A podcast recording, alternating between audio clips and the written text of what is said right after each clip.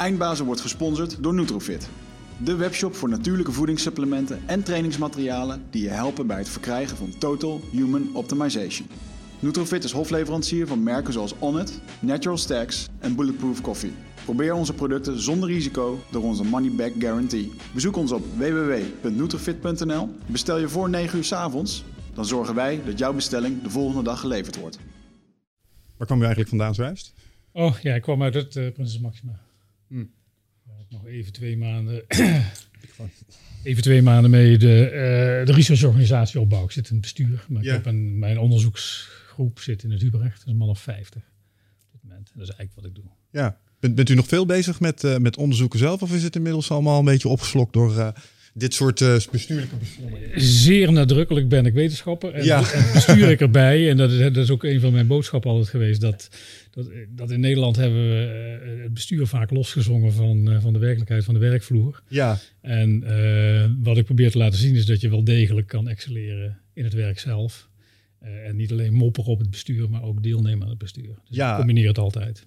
ik heb me daar ook wel eens over verbaasd. Want management gap is in dat opzicht wel een ding. Mensen die vanaf bestuurlijk niveau menen te weten hoe het op de werkvloer moet. En dat de werkvloer zich dan verbaast over hoe bedenk je dit? Ja, ja, Ja. Maar, maar, maar beiden treffen blaam. Want de, de, de, de werkvloer heeft heel veel kritiek. Maar er is nooit eens iemand die dan opstaat en het dan zelf doet. En u dacht, dat ga ik wel ik doen. denk dat moet lukken. Ja. Ja. Ja. Nou, in dat opzicht eh, eh, leuke opening, denk ik. Eh, welkom in de studio. We hebben vandaag in de studio dokter Hans Klever. En de werkvloer waar we het net over hadden, is gewoon met beide nog in een labjas, denk ik, in het laboratorium staan. Ja, nooit met een jas, maar... eh, dat is altijd het beeld wat we erbij hebben. Dat is een misvatting, begrijp ik. Ja, Ja, jammer is ja, dat. ook niet met zo'n spectaculaire bril en een clipboard, zeker. Dat ook niet. Nee, Nee. nee. Maar mijn mensen natuurlijk wel. Ja. Degene die echt, ik, ik- met mijn eigen handen doe ik geen experimenten meer. Dat heb ik nog wel lang gedaan. Ook Mhm. toen ik hoogleraar werd eh, en afdelingshoofd in het academisch ziekenhuis, bijna 30 jaar geleden. Heb ik nog een paar jaar lang in het laboratorium gewerkt. Maar uiteindelijk mis je de continuïteit in een dag om dingen af te maken. Ja, En toen ben ik, eh, heb ik een st- klein stapje terug gedaan. Ben, ben wel het onderzoek blijven leiden. Maar doe niet meer zelf het handwerk. nee, helder. En eh, voor de mensen die niet, misschien niet direct weten wie u bent en eh, wat u heeft bereikt als uh, zijnde geneticus en arts, wat, wat is uw specialisme? Nou, ik ben inderdaad opgeleid als arts en als bioloog. Ja. Eh, heb lang getwijfeld welke kant ik in wilde. Van kinds af aan wilde ik wetenschapper worden, onderzoeker. Eh, het artsenwerk is wel heel leuk. Het is ontzettend sociaal. En Het is een laboratorium is toch een beetje een jiskevet-achtige omgeving. Een klein groepje mensen Ja. met alle eigenaardigheden van dien. Waar je de dag en een week in het jaar mee door moet zien te komen. Ja. Ehm, na, aan, aan het einde van die twee studies heb ik even getwijfeld. Maar uiteindelijk besloten dat ik toch gewoon wetenschapper ben. Ja. Toen heb ik moleculaire biologie geleerd. Dat bestond in Nederland nog nauwelijks. Dat is eh, eind jaren 80. eh, het werken met DNA. Dat kwam Ja. net op, vooral in Amerika, Engeland. Heb vier jaar op Harvard gezeten. Daar heb ik dat vak geleerd. En ben toen al onderzoekend eh, door allerlei onderzoeksvelden heen heb ik gedoold. En uiteindelijk kankeronderzoeker, stamcelonderzoeker. Ja. Zeer opportunistisch. Maar ik denk dat we heel veel ontdekkingen gedaan hebben in dat proces. ja, opportunistisch in welk opzicht? Nou, als je, als je echt zo bazaal onderzoek doet als wij dat doen, dan ehm, stel je geen hele heldere vragen, geen hele duidelijke vragen, want die beperken vaak al wat je gaat vinden. Ja. Eh, en al helemaal stel je geen hypotheses op. Eh, een hypothese is eigenlijk, iedereen denkt dat een wetenschapper werkt door een vraag te stellen, Mhm. een antwoord te bedenken, dat is dan de hypothese, en dan gaan toetsen of dat klopt. Ja. Nou, in mijn vak, eh, biomedische wetenschap, ehm, is elke vraag is, is zijn misschien wel duizend antwoorden te bedenken. Evolutie heeft er ooit eentje ge- gepikt, to- Ja. totaal toevallig, en die werkt. Maar er waren nog misschien honderd andere oplossingen van het probleem die ook gewerkt hadden. Maar de eerste, de beste die het doet, die is door de evolutie in het DNA gebakken. Ja. En dat is waar we nou mee te maken hebben. Dat kan je niet voorspellen. Dus je kan wel op een stoel gaan zitten zoals Einstein dat wel kon. En Ja. voorspellen hoe een bepaald biologisch probleem eh, zich zou moeten oplossen. Eh, maar je hebt het altijd fout. Dus eh, eh, En dat komt door de, de mate van complexiteit die bijvoorbeeld iets als natuurkunde dan... Dat is iets basaler of zo? nou, ik denk dat de, de, ja, de echte fysica gaat natuurlijk uit van een paar grondregels, natuurwetten, waar al het andere logischwijs uit volgt. En er Ja. is ook maar één antwoord op een vraag. Eh, in biologie moet je voorstellen, je bent een vis en je wil het land op. Je moet zuurstof kunnen opnemen. Nou, dan kan je allerlei dingen voor bedenken om dat te doen. Vissen hebben geen longen. Ja. Wij wel. Dus de long was blijkbaar een oplossing. Maar je had het misschien ook gewoon door je huid zuurstof op kunnen nemen. Of, of door allerlei buisjes overal in je lichaam, zoals insecten dat doen. Mhm. Uh, dus om dan te zeggen van, uh, als je dus dat probleem zou willen oplossen, hoe heeft die vis dat opgelost? En je zegt, nou, door buisjes overal in zijn lichaam, Mhm. fout. En zo kan je nog 300 dingen bedenken, fout. Dan schiet je werk niet op. Ja. Dus je kan veel beter onbevangen onderzoeken. Helemaal niet met een oplossing in je hoofd al. Mhm. Uh, dan dat je, dat je die vooraf definieert. Bovendien, wij werken zo dat als je eenmaal een hypothese hebt, zo werken onze hersenen heel Ja. erg. De kans dat je die gaat verwerpen is niet zo groot. Je gaat in een, dis- een discussie altijd aan om die te winnen en niet Ja. om die te verliezen. Confirmation En, eh, bias is een ding. Precies. Ja. Dat is een heel groot probleem in de wetenschap. Dat kan ik me voorstellen. Um, om een klein beetje een beeld te krijgen wat, het nou precies is, eh, wat iemand in uw vakgebied doet. Hè. We hebben het dan eh, in mijn voorbereiding heb ik wat, eh, wat onderwerpen bij elkaar geraapt. Dan kunt u mij even vertellen eh, in hoeverre ze uw specialisme raken. Eh, dingen als bijvoorbeeld ehm, stamcellen, genetica en ehm, onderzoek naar hoe kanker zijn werk doet in het lichaam. Het zijn brede begrippen, maar dat zijn volgens mij wel dingen die uw specialisme raken. Ja, dat zijn allemaal begrippen die eigenlijk de essentie zijn van, eh, van de biologie. eh, Ja. De diepste biologie en ook van wat wij onderzoeken. Eh, genetica is eigenlijk de leer van DNA. Eh, elke cel heeft DNA en daar gebeurt het. Stamcellen gebruiken de coderingen DNA om ons lichaam eh, een leven lang eh, intact te houden. En eh, kanker is, is een proces wat ontstaat door een foutje in dat DNA in een stamcel, waardoor die stamcel overenthousiast wordt. Ja. En, en meer weefsel maakt dan je eigenlijk nodig hebt. Ja, en, en wat u doet en waar u onderzoek naar doet, is onder andere in dit soort, zeg maar, eigenlijk interacties begrijpen hoe het werkt en hoe we daar als mens misschien eh, door het te snappen ook iets in kunnen doen. Dit, zijn maar, dit is maar een toepassing, bijvoorbeeld kankerbestrijding, maar het is breder. Ja. Verwoord ik dat goed? Ja, nou, wij- zijn dus niet op zoek naar een oplossing voor een heel, heel eh, acuut eh, klinisch probleem. Hè. Nee. Wij, wij, wij ontdekten buitengewoon toevallig hoe darmkanker ontstaat, lang geleden. Daar waren we helemaal niet naar op zoek. Wij, waren, wij deden onderzoek aan witte bloedlichaampjes. Nou, die zitten op een hele andere plek dan de darm in je Ja. lichaam. De vraag die we daar zo'n beetje gesteld hadden op een hele open manier beantwoorden we niet. Maar eh, vanuit mijn medische achtergrond wist ik, hé, hey, maar wat we nu zien, dat ken ik. Dat is, is dat niet iets in de darm? En toen bleek dat het proces te zijn wat ontspoort als een, een polyp ontstaat in de darm, Ja. waar uiteindelijk, dat is de eerste stap op weg naar een kwaadaardige tumor. Eh, waarvan we eigenlijk niet, men wist wel dat die polypen het voorstadium waren, maar niemand wist wat daar eigenlijk in, in fout ging. En dat vonden wij. En dat was Ja. het dus in, uiteindelijk het ontsporen van een stamcel in je darm. Wat ik daar interessant aan vind om te horen is dat in dat proces dat het belangrijk was dat u ook een bepaalde eh, medische achtergrond had om dat verband te kunnen leggen. Ja, ja dus dus degene eh, die met de informatie bezig is, moet ook maar net juist geëquipeerd zijn om dat klompje kennis wat Ja. daar dan in dobbert Ja, eruit te kunnen vissen. Ja, ja, ja, ik denk dat, eh, dat wetenschappers enorm hard op zoek zijn naar ehm, hoe je ontdekkingen doet. Want dat is natuurlijk eigenlijk onze business. Ehm, en hoe je dat, het, het, het blijft trial and error en het blijft toeval, maar hoe je eh, dat kan optimaliseren of maximaliseren. Dat als je een nieuw gebied binnenstapt, als het ware, waar je niets weet. Dus echt als je een donkere kamer binnenstapt of, of ja, ontdekkingsreizigers die eh, 19e eeuw Afrika binnen Mhm. trokken die geen idee hadden wat ze tegen zouden kunnen komen.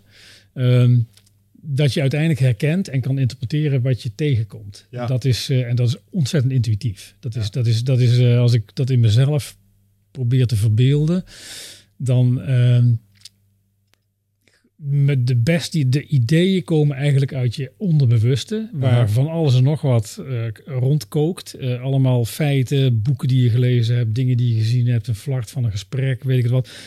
Al die basiskennis die ik met name via geneeskunde daarin, Mhm. ik kon altijd heel erg goed onthouden. Dus een beetje aan het teruglopen moet ik zeggen, maar ik weet, ja, ik ken, ik ken onwaarschijnlijk veel feiten, onbewust. Ja.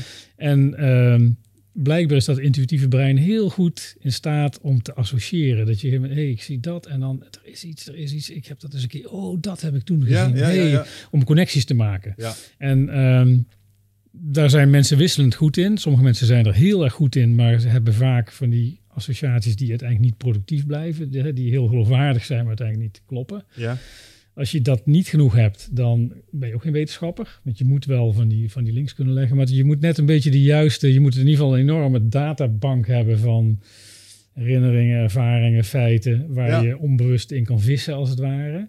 En dan moet je de mazzel hebben dat jouw brein dat zo doet... dat er met enige regelmaat iets naar boven komt borrelen wat ook wezenlijk is, wat, wat, wat zin heeft, waar je verder mee kan. Ja. Uh, dat, dat is, uh, dus in mijn gevoel is mijn soort wetenschap is nauwelijks aan te leren. Dat is 90% intuïtie, associatie, weet ik het wat. En alleen dat laatste 10% stukje, dat is dat hele rationele waar Mm. mensen ons altijd van verdenken, dat wij puur rationeel zijn. Um, waarin je dan zegt, oké, okay, klinkt goed, maar dan gaan we het eens even. En dan kom je in die fase terecht, oké, okay, dan is dit misschien mijn hypothese. En dan ga ik hem echt proberen onderuit te halen. Dat Ja. hoort, dat doet bijna niemand. En, want ik heb dat eens een keer gezien, dat klopt er niet echt bij. Ik heb dat eens een keer gezien, dat klopt er niet echt bij. Mijn ervaring is met name als je op die ontdekking iets voorspelt en dat komt uit, dan klopt je ontdekking waarschijnlijk. De voorspellende waarde van, van een nieuw inzicht Mhm. is ontzettend veel waard. Ja. Hoeveel, hoeveel van dat associëren is ook een stuk patroonherkenning? In de zin van, hm, als het hier op deze manier werkt, is het aannemelijk dat het daar ook op zo'n manier kan werken? Dat is een, nou, dat, daar doe je niet die grote ontdekkingen mee. Dat is als je eenmaal zo'n, als je eenmaal in principe hebt, één keer hebt gezien, dan herken je het heel makkelijk. En dan zie je plotseling, hé, hey, het zit daar ook, zit daar ook. En dan begrijp je ook niet, waarom heb ik dat niet eerder gezien? Het is- Mhm. ligt zo voor de hand, het ligt voor het oprapen. Eh, dus dat, is een, dat, is een, dat zit in die laatste fase. Ja. En dat is vaak ook als, je, als jij in een bepaalde situatie een principe hebt gevonden. En ineens zie je, hé, hey, maar het past daar ook, het past daar ook. Dat is ook, ook een soort gevoel ontwikkel je dan van, hé, hey, het is ook echt. Het is een wezenlijke, Mhm. een nieuw Bijna inzicht een wat- wetmatigheid. ja, en dan, eh, en je hebt natuurlijk hoop van dat soort momenten nodig om uiteindelijk jezelf te overtuigen van dit klopt. En de rest van de wereld daarna te overtuigen dat het klopt. Ja. En daar kunnen wij niet veel tijd voor nemen, geen jaren. Want eh, je wil wel zeker zijn dat het klopt als je iets de wereld in, in schiet. Maar als je te lang wacht, dan word je gescoopt. Het is wel een heel competitieve wereld. De academische wereld is in dat opzicht... Het is buitengewoon competitief. En Ja. als ik kijk, een ontdekking, je krijgt geen zilveren medaille voor een ontdekking. Het is de, gouden medaille of niks. Ja. Dus je moet de eerste zijn. Maar als je te vroeg eh, eh, succes eh, claimt en je hebt het fout, ja, dan kan je, dat gebeurt wel eens. Ah, ja, dat snap ik. Wat ik daar interessant aan vind is, want ehm, de bias die we hebben als we denken over wetenschappers, is degene die je terecht aangeeft. We denken dat ze dat met dat hele rationele stuk doen. Dat, ik hoor je net zeggen, dat zit veel meer in het, eh, ook het onderbewustzijn en de kennis die je hebt. Toch hebben we een bepaald profiel bij een wetenschapper. En dat is een beetje de beta, misschien wel niet noodzakelijk iemand die bijzonder eh, competitief of in ieder geval eh, cut-throat is. Maar wat mij daar telkens dus aan verbaast, is dat als ik mensen hoor spreken over de academische wereld, dat dat wel degelijk... je moet wel weerbaar zijn. Het hangt heel erg van de discipline af. Je hebt disciplines die, waar, waar eh, het aantal onderzoekers heel dun gezaaid is en waarbij wereldwijd iedereen eh, gedwongen is of, of zich aangetrokken voelt om samen te werken, omdat er gewoon te weinig onderzoekers zijn in een bepaald veld. Nou, dat is niet in, in de biomedische wereld. Dat is, dat is misschien, misschien een derde van alle wetenschappers in de wereld doen biomedisch onderzoek. Ja. Eh, wat ik doe gebeurt op, eh, op, op 10, 100.000 andere plaatsen in de wereld ook. En ik word niet gemist als ik, eh, als ik eruit stap. Is in veel andere velden is dat niet zo. Daar heb je, heb je echt gewoon één persoon die een bepaald soort kennis heeft. En het is ook meteen de enige in de wereld. Dat is de guru. Ja. Dus, dus ik denk, wat dat heb ik met name bij de, mijn wereld, was natuurlijk altijd de biomedische wereld. Eh, toen ik bij de academie zat, de KNW, heb ik heel veel andere disciplines aan het werk gezien. En die verbazen zich over het algemeen toch wel over de verhalen. En ook de, de, de streken die uitgehaald worden, de, eh, de fraude, de, het plagiaat en zo. Wat, wat, waar wij biomedisch, Ja, ook omdat ze internationaal is, toch wel veel mee te maken is hebben. dat zo? Ja, ik wil niet al te sensationalistisch zijn, maar eh, wat zijn eh, voorbeelden hiervan? Ja, er zijn, nou, wij hadden eh, recent, kijk, wat is een recent voorbeeld? In China speelt nu dat, dat eh, de Chinezen maken natuurlijk enorm snel opmars. Die zijn nu echt, die zijn echt opgewassen tegen wat wij in het Westen kunnen in, in ons veld. Dat was nog niet zo lang. Ja. Maar krijgen bijvoorbeeld voor iedere doorbraak die in een top tijdschrift wordt gepubliceerd, dat is uiteindelijk de, de, de grootste vlag die je kan planten, Ja. eh, krijgen ze een bonus. En het aantal, als je met die, met die journals, met die tijdschriften praat, het aantal fraudeleuze eh, artikelen die uit, eh, met name uit China nu komen, en dit met is, is vrij eh, schrikbarend. En frauduleus is dan in de zin van we hebben dit en dit geconstateerd, maar dan is er geen, onderbouw, uh, geen onderbouwing. Geen onderbouwing, niet, het of- is ja. gefabriceerd, eh, er zijn plaatjes gemanipuleerd, het is gestolen. Ah. Eh, nee, dat, eh, gaat ook op allerlei manieren en dat gaat, dat gaat ver. Ja, en dan snap ik voor, de, voor, de eh, eh, zeg maar voor degene die het uitbrengt op zich, dat er zo'n bonus aan kleeft dat je het doet. Wat is, het- wat is het eh, achterliggende doel om, om op zo'n manier die doorbraken je, je hoek in te trekken? Is dat voor prestige? Prestige, eh, ehm, ja, je maakt carrière. Als Ja, oké. het is uiteindelijk een cv van een wetenschapper bestaat eigenlijk uit alle, wetenschappelijke artikelen bij elkaar opgeteld. Dus als, als iemand, als ik ergens in Amerika of China kom en ze willen weten wie is die Klevers, dan, dan op de computer in een minuuttijd vind je alles wat ik ooit gepubliceerd heb, hoe Mhm. vaak dat geciteerd is. En dat zegt heel veel over het succes van mij als wetenschapper. Ja, Eh, dus als jij artikelen in die toptijdschriften hebt staan, dan, ja, dan stijg je in de ranking. volgens mij deed je het zelf ook niet onaardig in die ranking. Ik, eh, wel, ik was nog nooit met de H-index in aanraking. Ik zat te kijken, de H-index. Ja, dat? is toch het aantal werken waar je gepubliceerd wordt? Nou, nee, de H-index is een ingewikkelde. eh, dat, gaat, dat, is, dat is een soort optelsom van het aantal artikelen wat je, wat je gepubliceerd hebt en hoe vaak ze geciteerd worden. Mhm. Dus als je een H-index van 100 hebt, dan heb jij in ieder geval 100 artikelen die 100 keer of meer geciteerd Ja, worden. Dus hoog de hoe beter. Dus hoger, maar als je ouder wordt, groeit hij vanzelf. Dus je kan mij niet vergelijken met een 40-jarige wetenschapper, want die, eh, die moet je extrapoleren naar als hij mijn leeftijd heeft. En, eh, Ja. Ervan uitgaande dat de kwaliteit van zijn werk van dien aard is, dat daar ook daadwerkelijk eh, materiaal in zit ja. wat je, waarna je zou willen refereren. Zo is dat, ja. Ja, natuurlijk. Mooi. Ehm, iets waar we het al straks al eh, over hadden in, dit kader, als het dan gaat over ontdekkingen. Eh, we hadden het over een short eh, history of nearly everything van Bill Bryson. En ik kan me met name als het gaat om het DNA-molecuul. kan ik me nog herinneren hoe dat geïllustreerd werd, hoe competitief dat was. Er waren volgens mij in Londen twee teams bezig die het Eureka-moment nabij waren, geloof ik. En die hebben zelfs wat bedrijfsspionage bij elkaar gepleegd. Weet u hoe dat zit? Ja, nou, er zijn allerlei boeken door de betrokkenen over geschreven. Ah. Er was een eh, Watson en Crick. eh, Watson ken ik, die leeft nog. Die is eh, enigszins aan het, die is heel oud. En die doet nu nog wat al te boute uitspraken over van alles, alles nog wat. Ehm, Rosalind, hoe heet ze ook weer? Rosalind King of zo. Er was een vrouw bij betrokken. En wat Watson en Crick hebben helemaal de experimenten nooit gedaan. Die werden gedaan in Londen. Watson en Crick zaten in, in Cambridge. En, maar hebben toegang gehad tot data, tot de gegevens. En Dat Ah. waren röntgenfoto's van DNA-kristallen. En als je die röntgenfoto's ziet, die daar dwars doorheen schieten... en dan verstrooi je die stralen. Dan Crick had bedacht hoe je uit dat soort dingen... hoe je daar structuren zou kunnen terugberekenen... van waar die straal doorheen was gegaan. Ja. Dat was een kristal. En dat hebben uiteindelijk Watson en Crick hebben dat sneller opgelost... dan degene die die gegevens zelf hadden gegenereerd. Ah. En daar is natuurlijk. eh, eh, nou, maar goed. Daar ontstond een hetze, zijn, ja. eh, Zijn bovendien de, de, de vrouw, dat zegt ook wat dat ik even de naam niet compleet in mijn hoofd Ja. heb. Blijkt toch wel een hele cruciale, cruciale eh, bijdrage te hebben geleverd. Die is altijd heel erg op de achtergrond eh gebleven. Die is ook vrij jong overleden. Ja, Even op zo'n koers heet Roland King volgens mij. ja, oké. Ja. Eh, Dat geeft blijft mij ook even. Maar eh, oké, check, duidelijk. Ehm, ja, dat is ook die- typisch een voorbeeld van. ehm, eh, we- we wisten dat het een mijlpaal was, een potentiële hele significante doorbraak. En daar werd wel een soort wedloop eh, werd daarop gedaan. Ja, maar toen was er natuurlijk toen was er niet heel veel biomedisch onderzoek. Nee. Hè? Dat is natuurlijk een fractie van nu.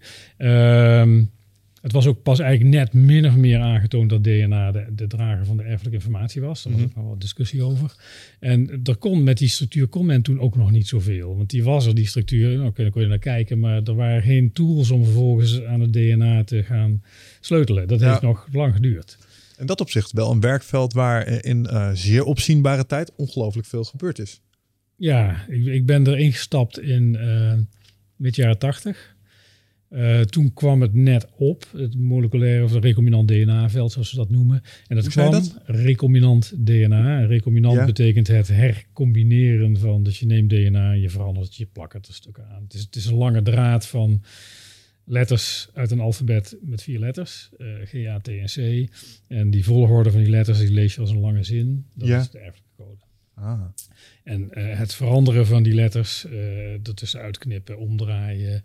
Het is als op een tekstverwerker. Je kan eh, een boek kan je natuurlijk eindeloos herschikken of stukken van andere boeken inzetten of zo. Dat is wat je doet als je, als je recombinant DNA werk doet.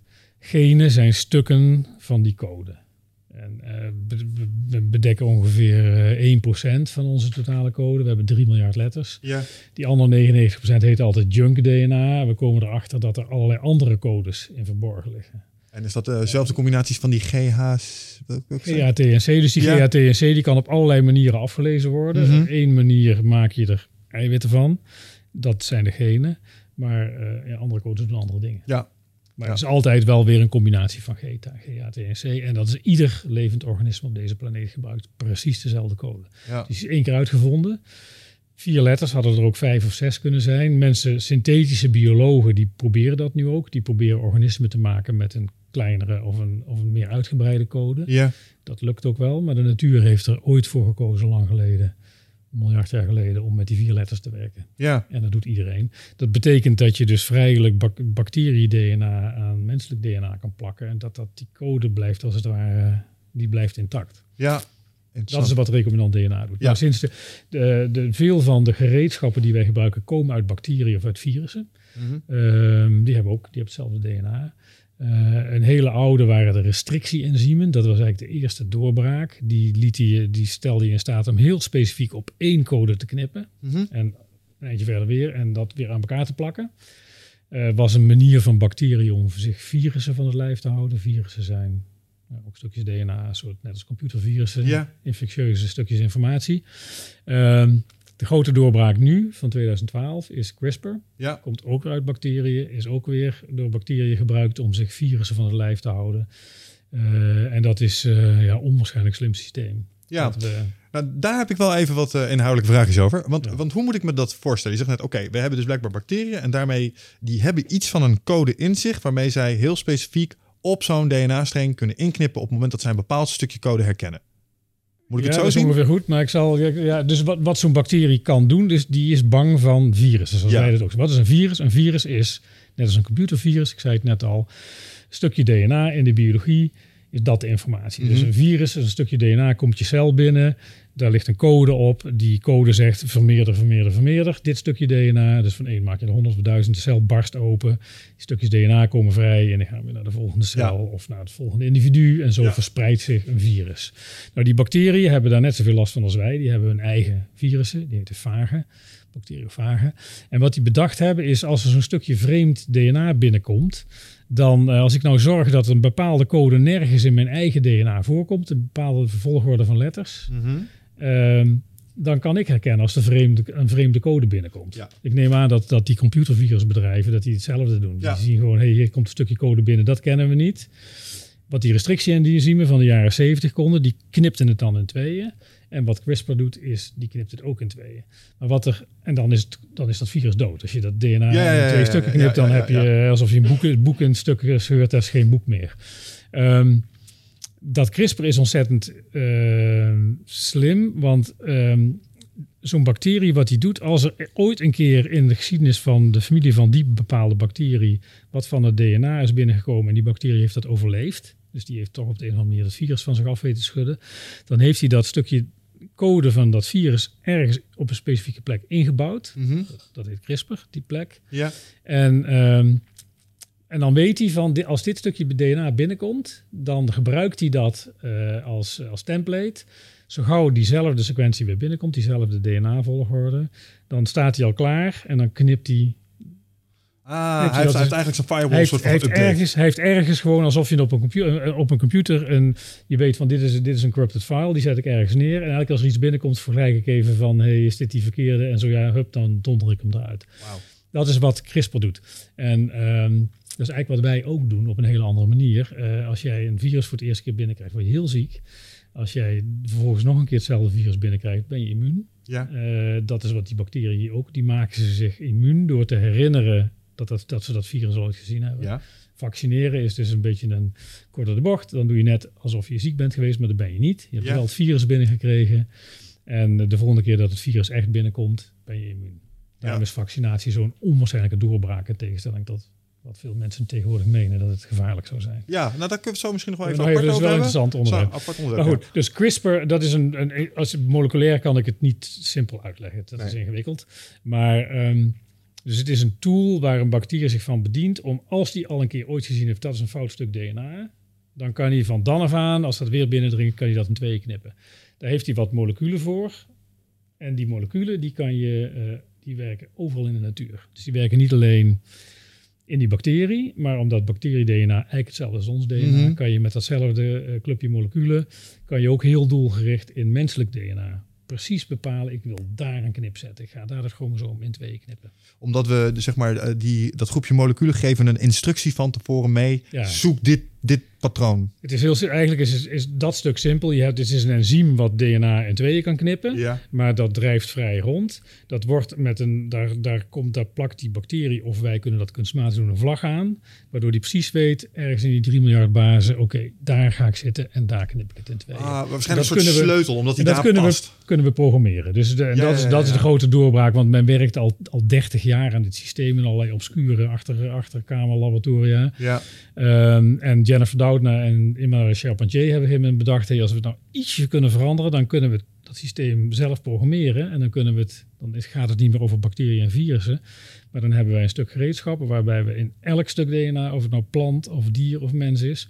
precies kunnen bepalen waar in die code we knip zetten. Ja, en hoe zorgt ervoor dat we het feit dat we dat instrument hebben, hoe zorgt dat ervoor dat we nu, want nu is de belofte van CRISPR ineens anti-aging, eh, allerlei eh, kankers bestrijden.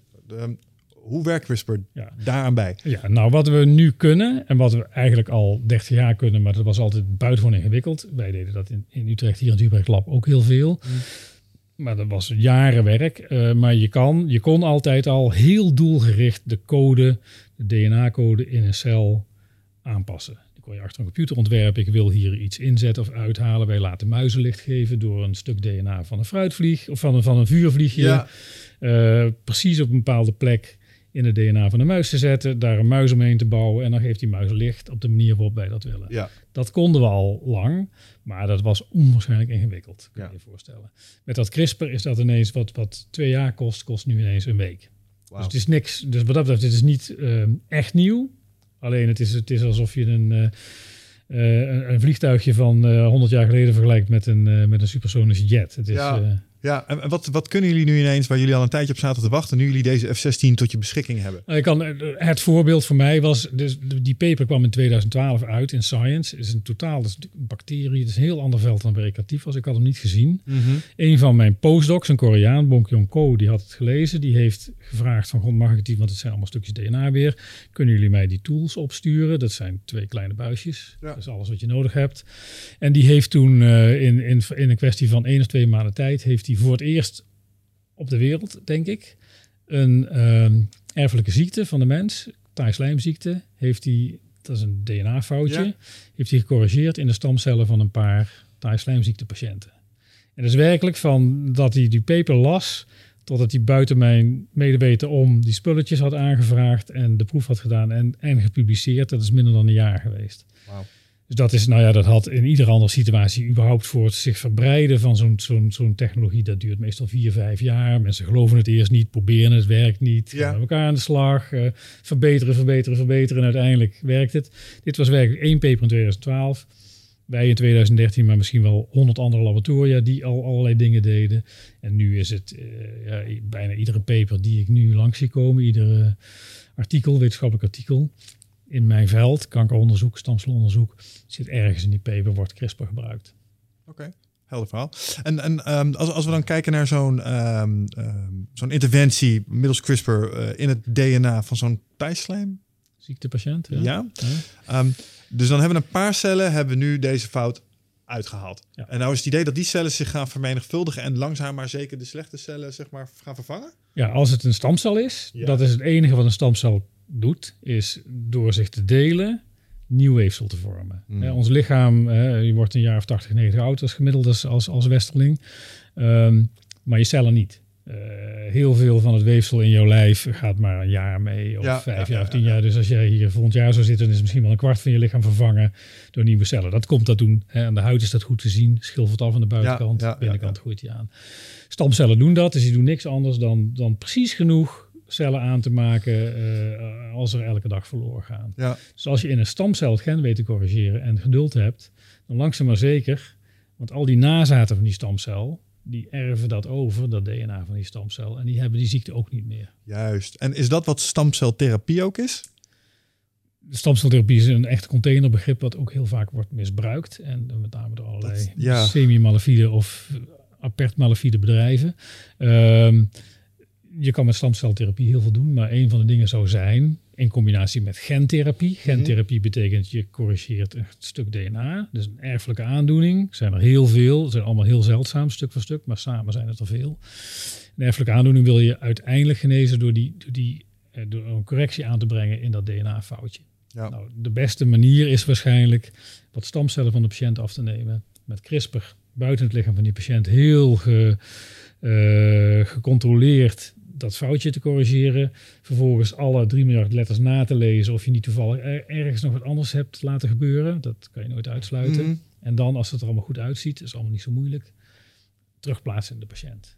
Nou, voordat het in de praktijk gebeurt, uh, moet je eerst laten zien dat wat je doet veilig is. Dat is Mhm. heel erg moeilijk, want als je het bij laat zien in tien gevallen dat er niks gebeurt. Ja, wie zegt, sluit uit dat het misschien één op de duizend een fout, Mm. fout uh, Dus dat is altijd een ingewikkeld probleem, zeker in Europa, waar we met het precautionary principle enorm voorzichtig zijn met nieuwe technologieën. Veel meer dan Amerika en al helemaal veel meer dan China. Ja.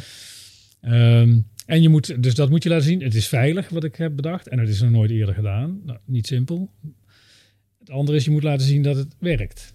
En dat moet je in klinische studies laten zien. Uh, dat het daadwerkelijk die patiënt opknapt van wat, Ja. jij, wat je bedacht hebt. Als dat samen allebei aangetoond is, dan mag je die, uh, die therapie gaan toepassen in, uh, in de kliniek routinematig. Ja. Zit jij uh, vaak in je hoofd? Uh, neem je heel veel informatie tot je video's, podcast, boeken? Uh, nou, voel je niet schuldig, dat doen heel veel mensen natuurlijk. Hè, maar vaak zijn we op zoek naar antwoorden. Um, gaan we nog meer informatie tot ons nemen. Terwijl ja, de antwoorden liggen toch echt in onszelf. En dat is iets wat we voelen met ons lichaam. Maar vaak zijn we zo erg in ons hoofd bezig ja, dat we dat ook niet meer, dat we daar niet meer echt goed bij kunnen. En dat is graag waar ik je voor uit wil nodigen. Voor Rite of Passage.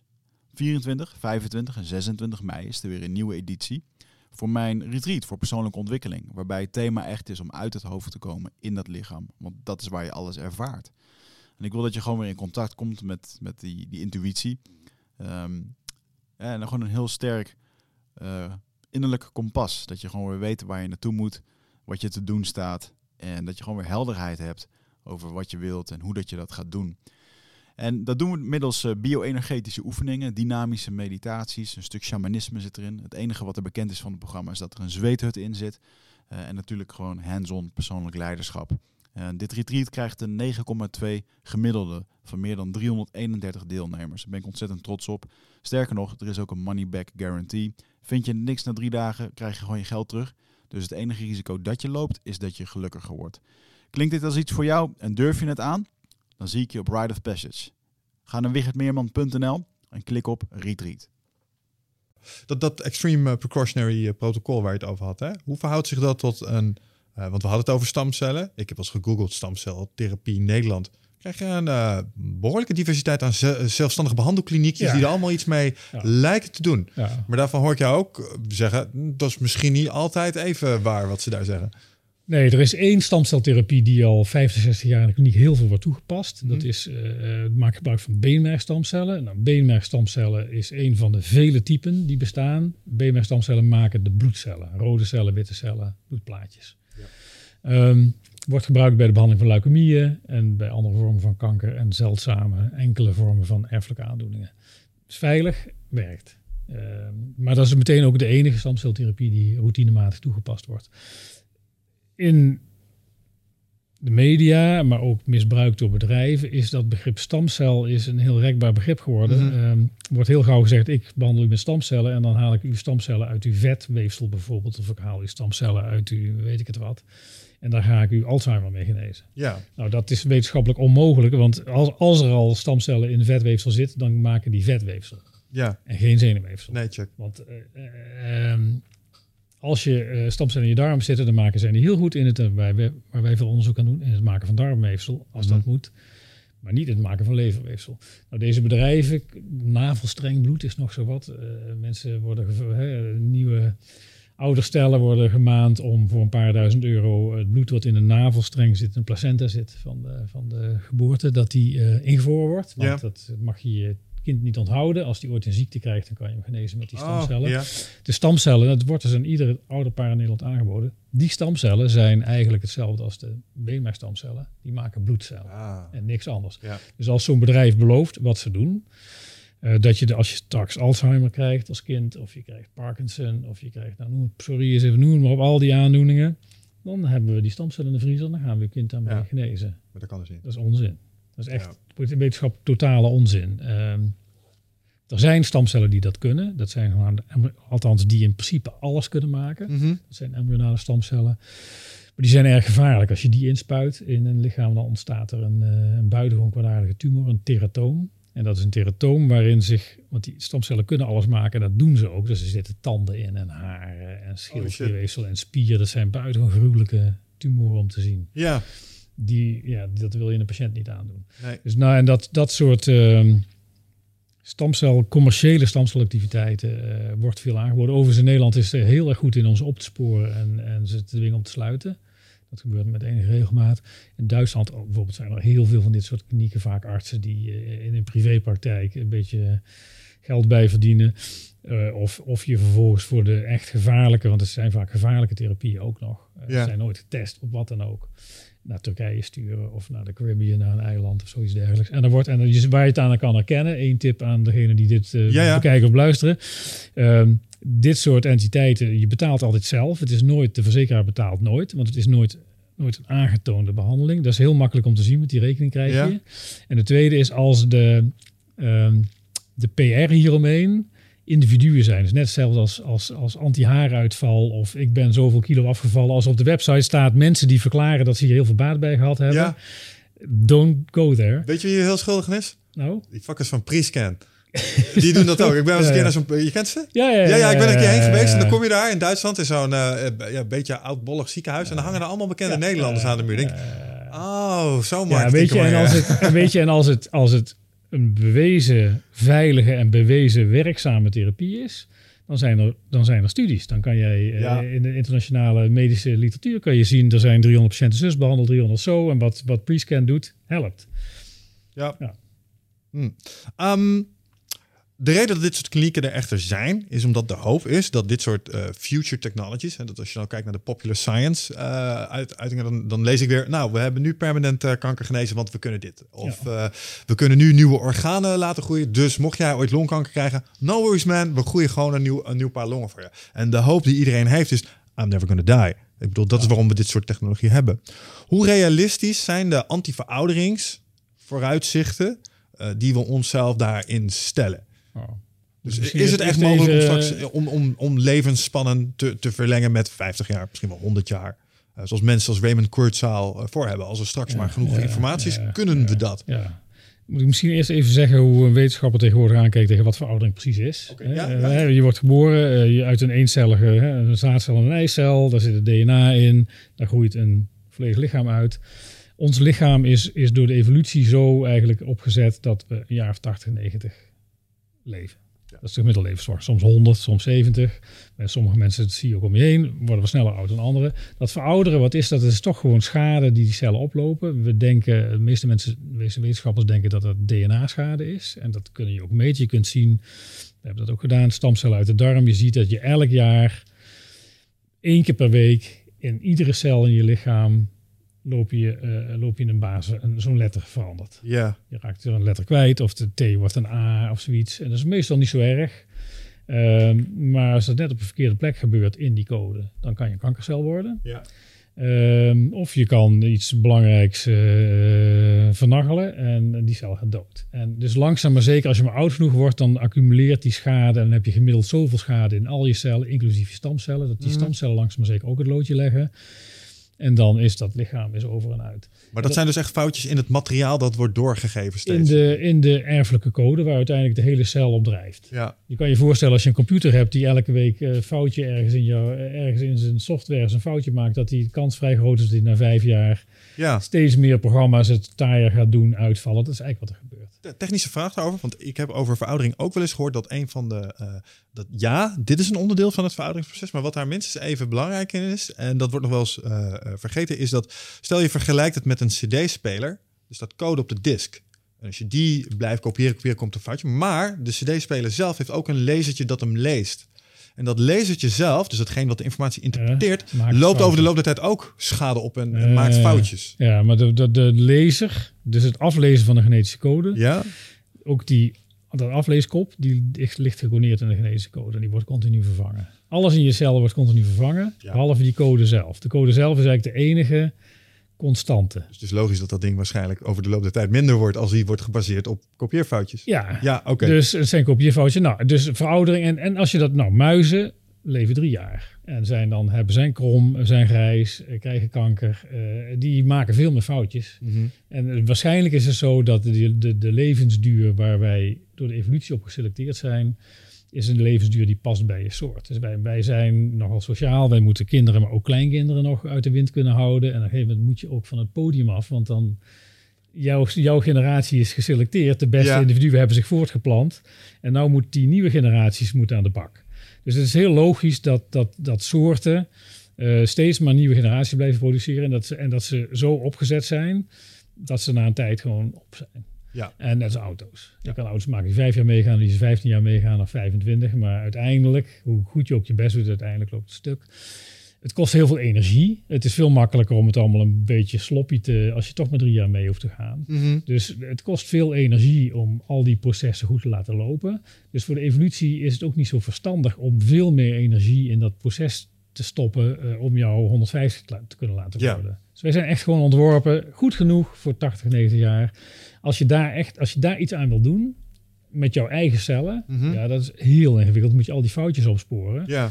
Of je moet de processen die, want er, er zijn zeker 7, 8 processen die foutjes kunnen opsporen van allerlei aard en die weer corrigeren. Als jij in de zon zit en je verbrandt, dan heb je een bepaald soort UV-schade. Dan hebben ze je DNA, je huid zit vol fouten. Ja. Die worden vrijwel 100% opgespoord en weer naar de oorspronkelijke code teruggezet. Ja. Een enkele keer niet. Krijg je melanoom of zoiets dergelijks. Hè. Niet te veel in de zon zitten.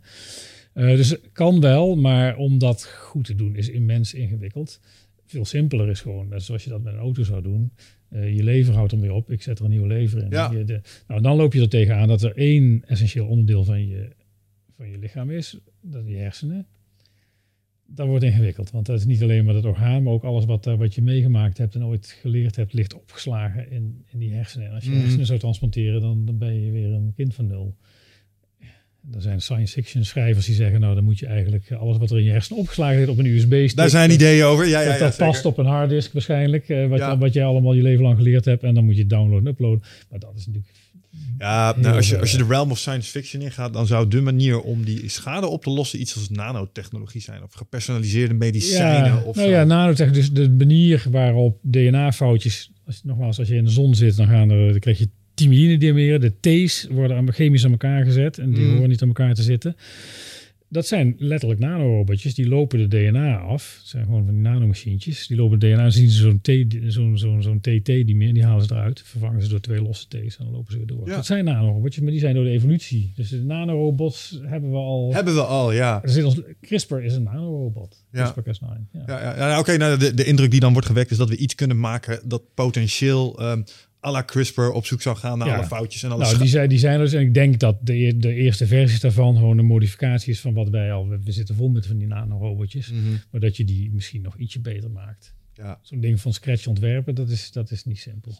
En, ehm, eh, want ik, ik heb me wel eens laten vertellen over technologische ontwikkelingen waarbij ze onderzoeken doen eh, met muizen. Een muis van drie maken ze weer eh, genetisch gezien anderhalf. Dat, dat zijn typisch van die, van die uitspraken van ja, nee. Ja, er wordt, nou, er wordt natuurlijk enorm veel geclaimd in de voedsel, in de voedingssfeer. Dat als je maar gezond dit of vitamine zus of zo of antioxidantia. Kijk, je kan wel proberen om de DNA-schade, de exposure die van buiten afkomt, om die, om die zo laag mogelijk te houden. Dus je moet niet in, in röntgenstraling gaan zitten. Je moet niet bij eh, een kerncentrale wonen en je moet niet eh, in de buurt van asbest. Hè? Dat soort dingen, die weten we allemaal wel. Mhm. Eh, je moet niet roken, dat is ook een mooie.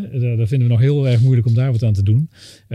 Maar dan nog steeds heb je, de- heb je waarschijnlijk, men denkt oh, misschien een kwart op de helft van alle DNA-schade die wij nu oplopen, is onvermijdelijk. Die komt Ja. niet van buitenaf, dat is gewoon inherent aan de fouten, de kleine foutensmarge in het systeem. Ja, iets, iets waar ik daar nog wel eens, eh, eh, waar ik nog een vraag over heb. Als je dan gaat, eh, kijkt naar de, de schade en hoe je die oploopt. Ehm, leefpatroon is er één, de dingen die je eet is een ander. Iets wat mij ook wel gefascineerd heeft is eh, epigenetics. Dus de invloed van buitenaf. En wat daar met name cruciaal in lijkt te zijn, is stressresultaten. Dus de, de mentale staat stress. Ja, dat is een buitengewoon populair onderwerp momenteel. onderwerp. Is dat maar, zo? eh, ik geloof, ja, als je echt, als je, als je vanuit de DNA-kant ernaar kijkt. Ja? Epigenetica is overigens, je hebt genetica, dat zijn die letters. Epigenetica, dat is, eh, je kan nog wat chemisch aan die letters veranderen. Waardoor je ietsje meer, een ietsje rijkere code. Ja, En dat erft ook over, maar niet zo zwart-wit als de code zelf. ja, ja. Dat is epigenetica. Eh, ja, nee, dat, is, dat is een veld waar de, zeg maar, de stress of voeding op epigenetica, waar wij als eh, hardcore eh, genetici Niet zo superveel mee hebben. heel Nee, oké, oké. heel erg in geloven, nee. Maar de, de, de, het interessante, wat ik, er- wat ik er interessant aan vind, is omdat we met, we hebben het hier ook even over gehad met Dick Swaap. de neuroloog natuurlijk. Ja. Ja, en, en toen kregen we het ook zijdelings even over het onderwerp placebo-nocebo. En het feit dat een mentale staat wel degelijk een impact lijkt te hebben op bepaalde gezondheidsaandoeningen en dat soort dingen. En wat ik mij afvroeg is, vindt dat ook daadwerkelijk een weerslag op het moleculair of... Zijn er, zijn er effecten van placebo-behandelingen bekend die daadwerkelijk iets hebben gedaan aan de samenstelling van je DNA, omdat dat het achterliggend probleem was? Nee, zover gaat dat Ik niet. denk als daar claims zijn in de literatuur, nee, nee, nee, dat is echt uh, ten helemaal onmogelijk. Ja, daar was ik al een beetje je kan ook voor. niet een muur, je kan niet uh, heel hard aan die muur denken, naar een baksteen uitdenken. Dat, dat, Nee, maar wat, uh, wat wel onmiskenbaar is, het placebo-effect bestaat. Dus je kunt mensen een behandeling geven Ja. die, die geen effectieve werking zou mogen hebben, maar hem Ja. toch heeft. ja, ja, maar dat zijn vaak, dat zijn niet de, dat is niet kanker. Nee, nee, precies. Dus, nee, nee, ziekte, helder. De ziekte met een grote uh, psychologische bijdrage. Het is vaak ziektebeleving. Mhm. Dat is natuurlijk een heel, een heel belangrijk onderdeel van ziekte is van hoe ga je ermee om, hoe beleef je het. En uh, placebo-effect is vaak, uh, heeft, het belangrijkste is dat wat patiënten zelf terugrapporteren is enorm, daar ben ik zelf ook uh, zeer gevoelig voor, kan ik je zeggen, Ja, is enorm. Als je ergens in gelooft, dan heb je een grote kans dat het werkt. Uh, maar dat, vindt, dat, is, dat is wel interessant. Ja, want dus wij- enerzijds, enerzijds lijkt dat zo te zijn, anderzijds vindt het geen weerslag in eh, wat we onder de microscopen zien. echte harde, echte harde eh, ziekte, waar, processen waarbij, eh, noem maar kanker, een DNA-fout, daar, daar, daar kan je, die denk je niet. eh, nee, dat, heeft dat werkt hersen- echt niet zo. Maar Nee. zo gauw het met gedrag te maken heeft, met beleving, dan is het heel erg belangrijk. De hersenen zijn natuurlijk het allerdominantste orgaan in ons lichaam. Mhm. En hebben veel invloed op, op de rest van ons lichaam. Maar niet op onze DNA-code. Nee, dus daar kan het in principe niet bij. Nee, dat het nee. daar iets doet. Is er een correlatie tussen stress en... Je hoort wel eens van, ja, als je echt helemaal gestrest pas maar op, dan krijg je kanker. Is er een relatie Dat tussen je denk ik mentale wel. staat en... ik, eh, denk, ik denk, nou, ik denk dat, dat, maar het is een correlatie. Hè? Mensen, menselijke brein, eh, wij denken eh, correlaties en, causatie, en ja. causatie. Eh, het is correlatie. En eh, ongetwijfeld, als jij gestrest bent, eh, doe je allerlei onverstandige dingen. Je rookt meer, je drinkt meer, je slaapt minder. eh, eh, eh, dus om, om eh, maar pure stress, ik kan geen voorbeeld bedenken waardoor de dingen die je in je lichaam veranderen door stress kankerverwekkend zouden zijn. Precies, dus er is niet iets dat, dat, dat cortisol iets doet waardoor bepaalde hormonale interacties cortisol- veranderen. Of zo. cortisol heeft wel beïnvloed wel hoe het genoom wordt afgelezen. Nou, en cortisol, nou, cortisol heeft een invloed op het immuunsysteem, dat is heel hard. Ja? Dus, eh, Ja, ja. en het immuunsysteem weten we nu is wel heel belangrijk bij het bestrijden van kankercellen die ontstaan zijn. Dus daar zou een mogelijke link. Het valt altijd tegen. Er worden- zijn veel van die rapportages dat hè, de, je mental state. eh, Mhm. eh, er zijn ook een Maarten van der Weijden die haat dat idee. Want die denkt dan, dan hoor je dus als je kanker hebt, dan heb je blijkbaar die strijd, die mentale strijd verloren. ja. Eh, het, is, het is ook een eh, geweldig stigma daarmee. Oh, zo. ja, ja, ja, eh, ja. Snap je? Dus ja, je als was niet dus- sterk genoeg. Je, was niet, je hebt niet goed genoeg gevochten of Oh, zo. ja, ja, dat lijkt me geen goede heel- overtuiging heeft hij het heel vaak over. Ja. Eh, Farrah Fawcett, die is overleden aan borstkanker, die zei dat ook altijd. Het feit dat ik het wel een tijd lang goed gedaan heb, Maarten van der Weijden, dus blijkbaar zijn ziekte overwonnen heeft, zei, dat is gewoon puur toeval. De, Ja. twee, de twee patiënten naast mij zijn allebei overleden, zegt hij Ja, ja, ja, ja. Dus, eh, maar goed, ik zou me kunnen voorstellen dat je door extreme stress je immuunafweer, je afweer onderdrukt. Dat is een, een meetbaar gegeven. En dat dat misschien dan weer consequenties zou kunnen hebben voor het ontwikkelen van kanker. Maar dat zijn waarschijnlijk buitengewoon marginale effecten. Hmm, ja, nou, ik wilde toch eens eventjes eh, vragen. Ik was stiekem al een beetje bang dat het deze kant op zou gaan. Maar ehm, ja, eh, het lijkt me duidelijk. In dat opzicht. eh, eh, dan nog wel interessant in dat opzicht. eh, ben ik dan wel even nu naar. Ik, ik hoor ook wel eens een statement. Alles wat ehm, psychologisch is, is biologisch. En dat, dat is de omgekeerde werking. Dat eigenlijk alles wat we mentaal ervaren. eigenlijk één op één bepaald is door de biologie. Dus, dus je, bent, je bent eigenlijk niet meer als een, als een soort hormonale soep van Nou, endorfine, een- cortisol, alles bij elkaar. Ik heb, ik, ja, die discussie zijn wij ons brein, hè, de Dick Swaap. Ja, ja, ja. Er, er leeft binnen de, de geesteswetenschap een enorme afkeer van het idee dat, eh, ik heb het met KNW vaak over gehad, ik heb natuurlijk heel veel levensgeesteswetenschappers tegen, dat, uh, dat ons, uh, ons denken en doen en onze belevingswereld chemisch bepaald zou zijn. Ja. Nou ja, ik denk dat het toch gewoon zo is.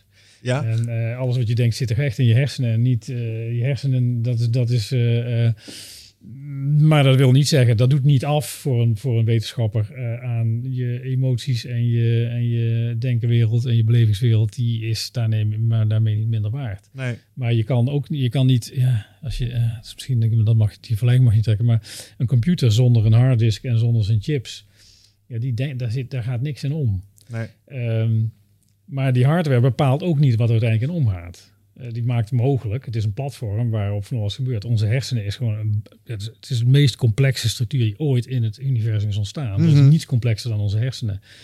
Het is een soort Swiss Army knife. Onze Zwitser, we zijn ontworpen 100, 200 miljoen jaar geleden uh, in een vrij simpele omgeving. En kijk wat we ermee kunnen. We kunnen de relativiteitstheorie uh, bedenken. Ja, we nee. Ja, we kunnen boeken schrijven. We kunnen, hè, weet ik het wat. Uh, dat, dat vraag ik me wel eens af. Uh, als iemand die. Uh, ik, ik heb een aantal keren uh, de, de vergelijking met code gehoord.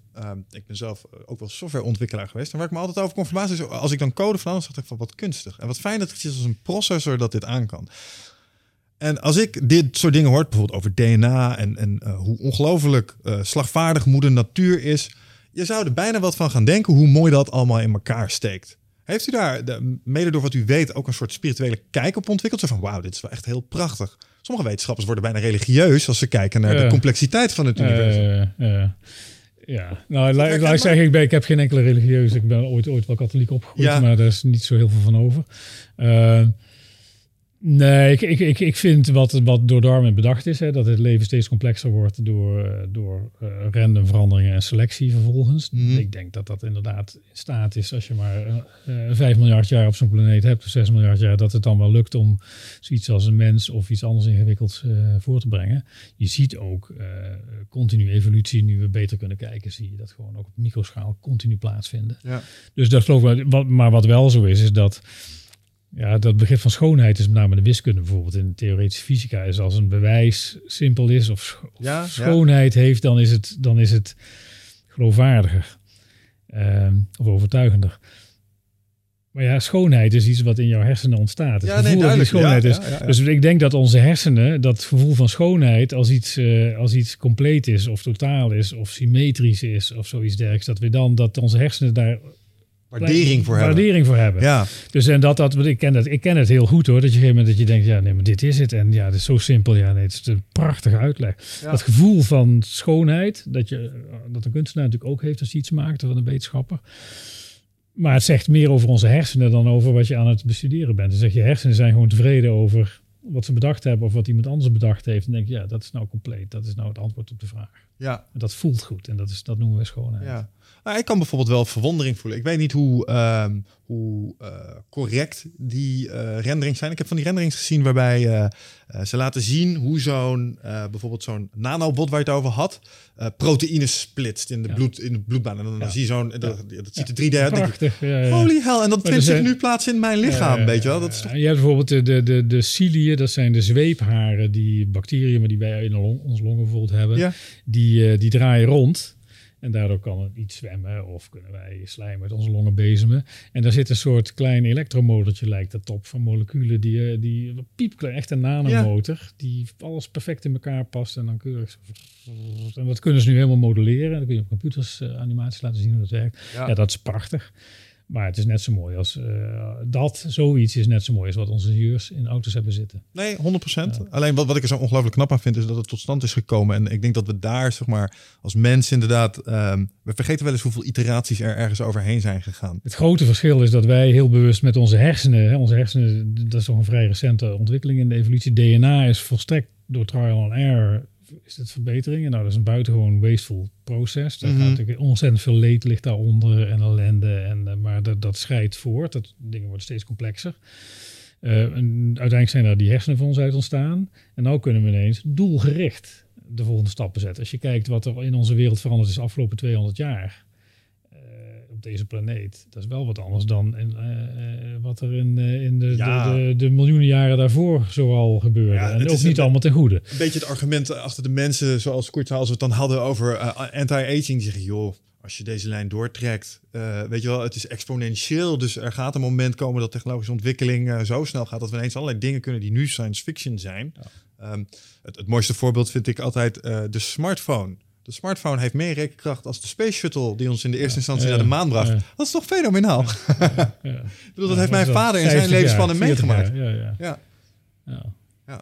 Ehm, als je kijkt in dat opzicht naar ehm, mogelijke ehm, doorbraken of dingen waar je heel enthousiast van wordt in dit werkveld, waar mensen nu eh, aan, aan het sleutelen zijn, of dingen die op de horizon liggen, waarvan je denkt, oh wauw.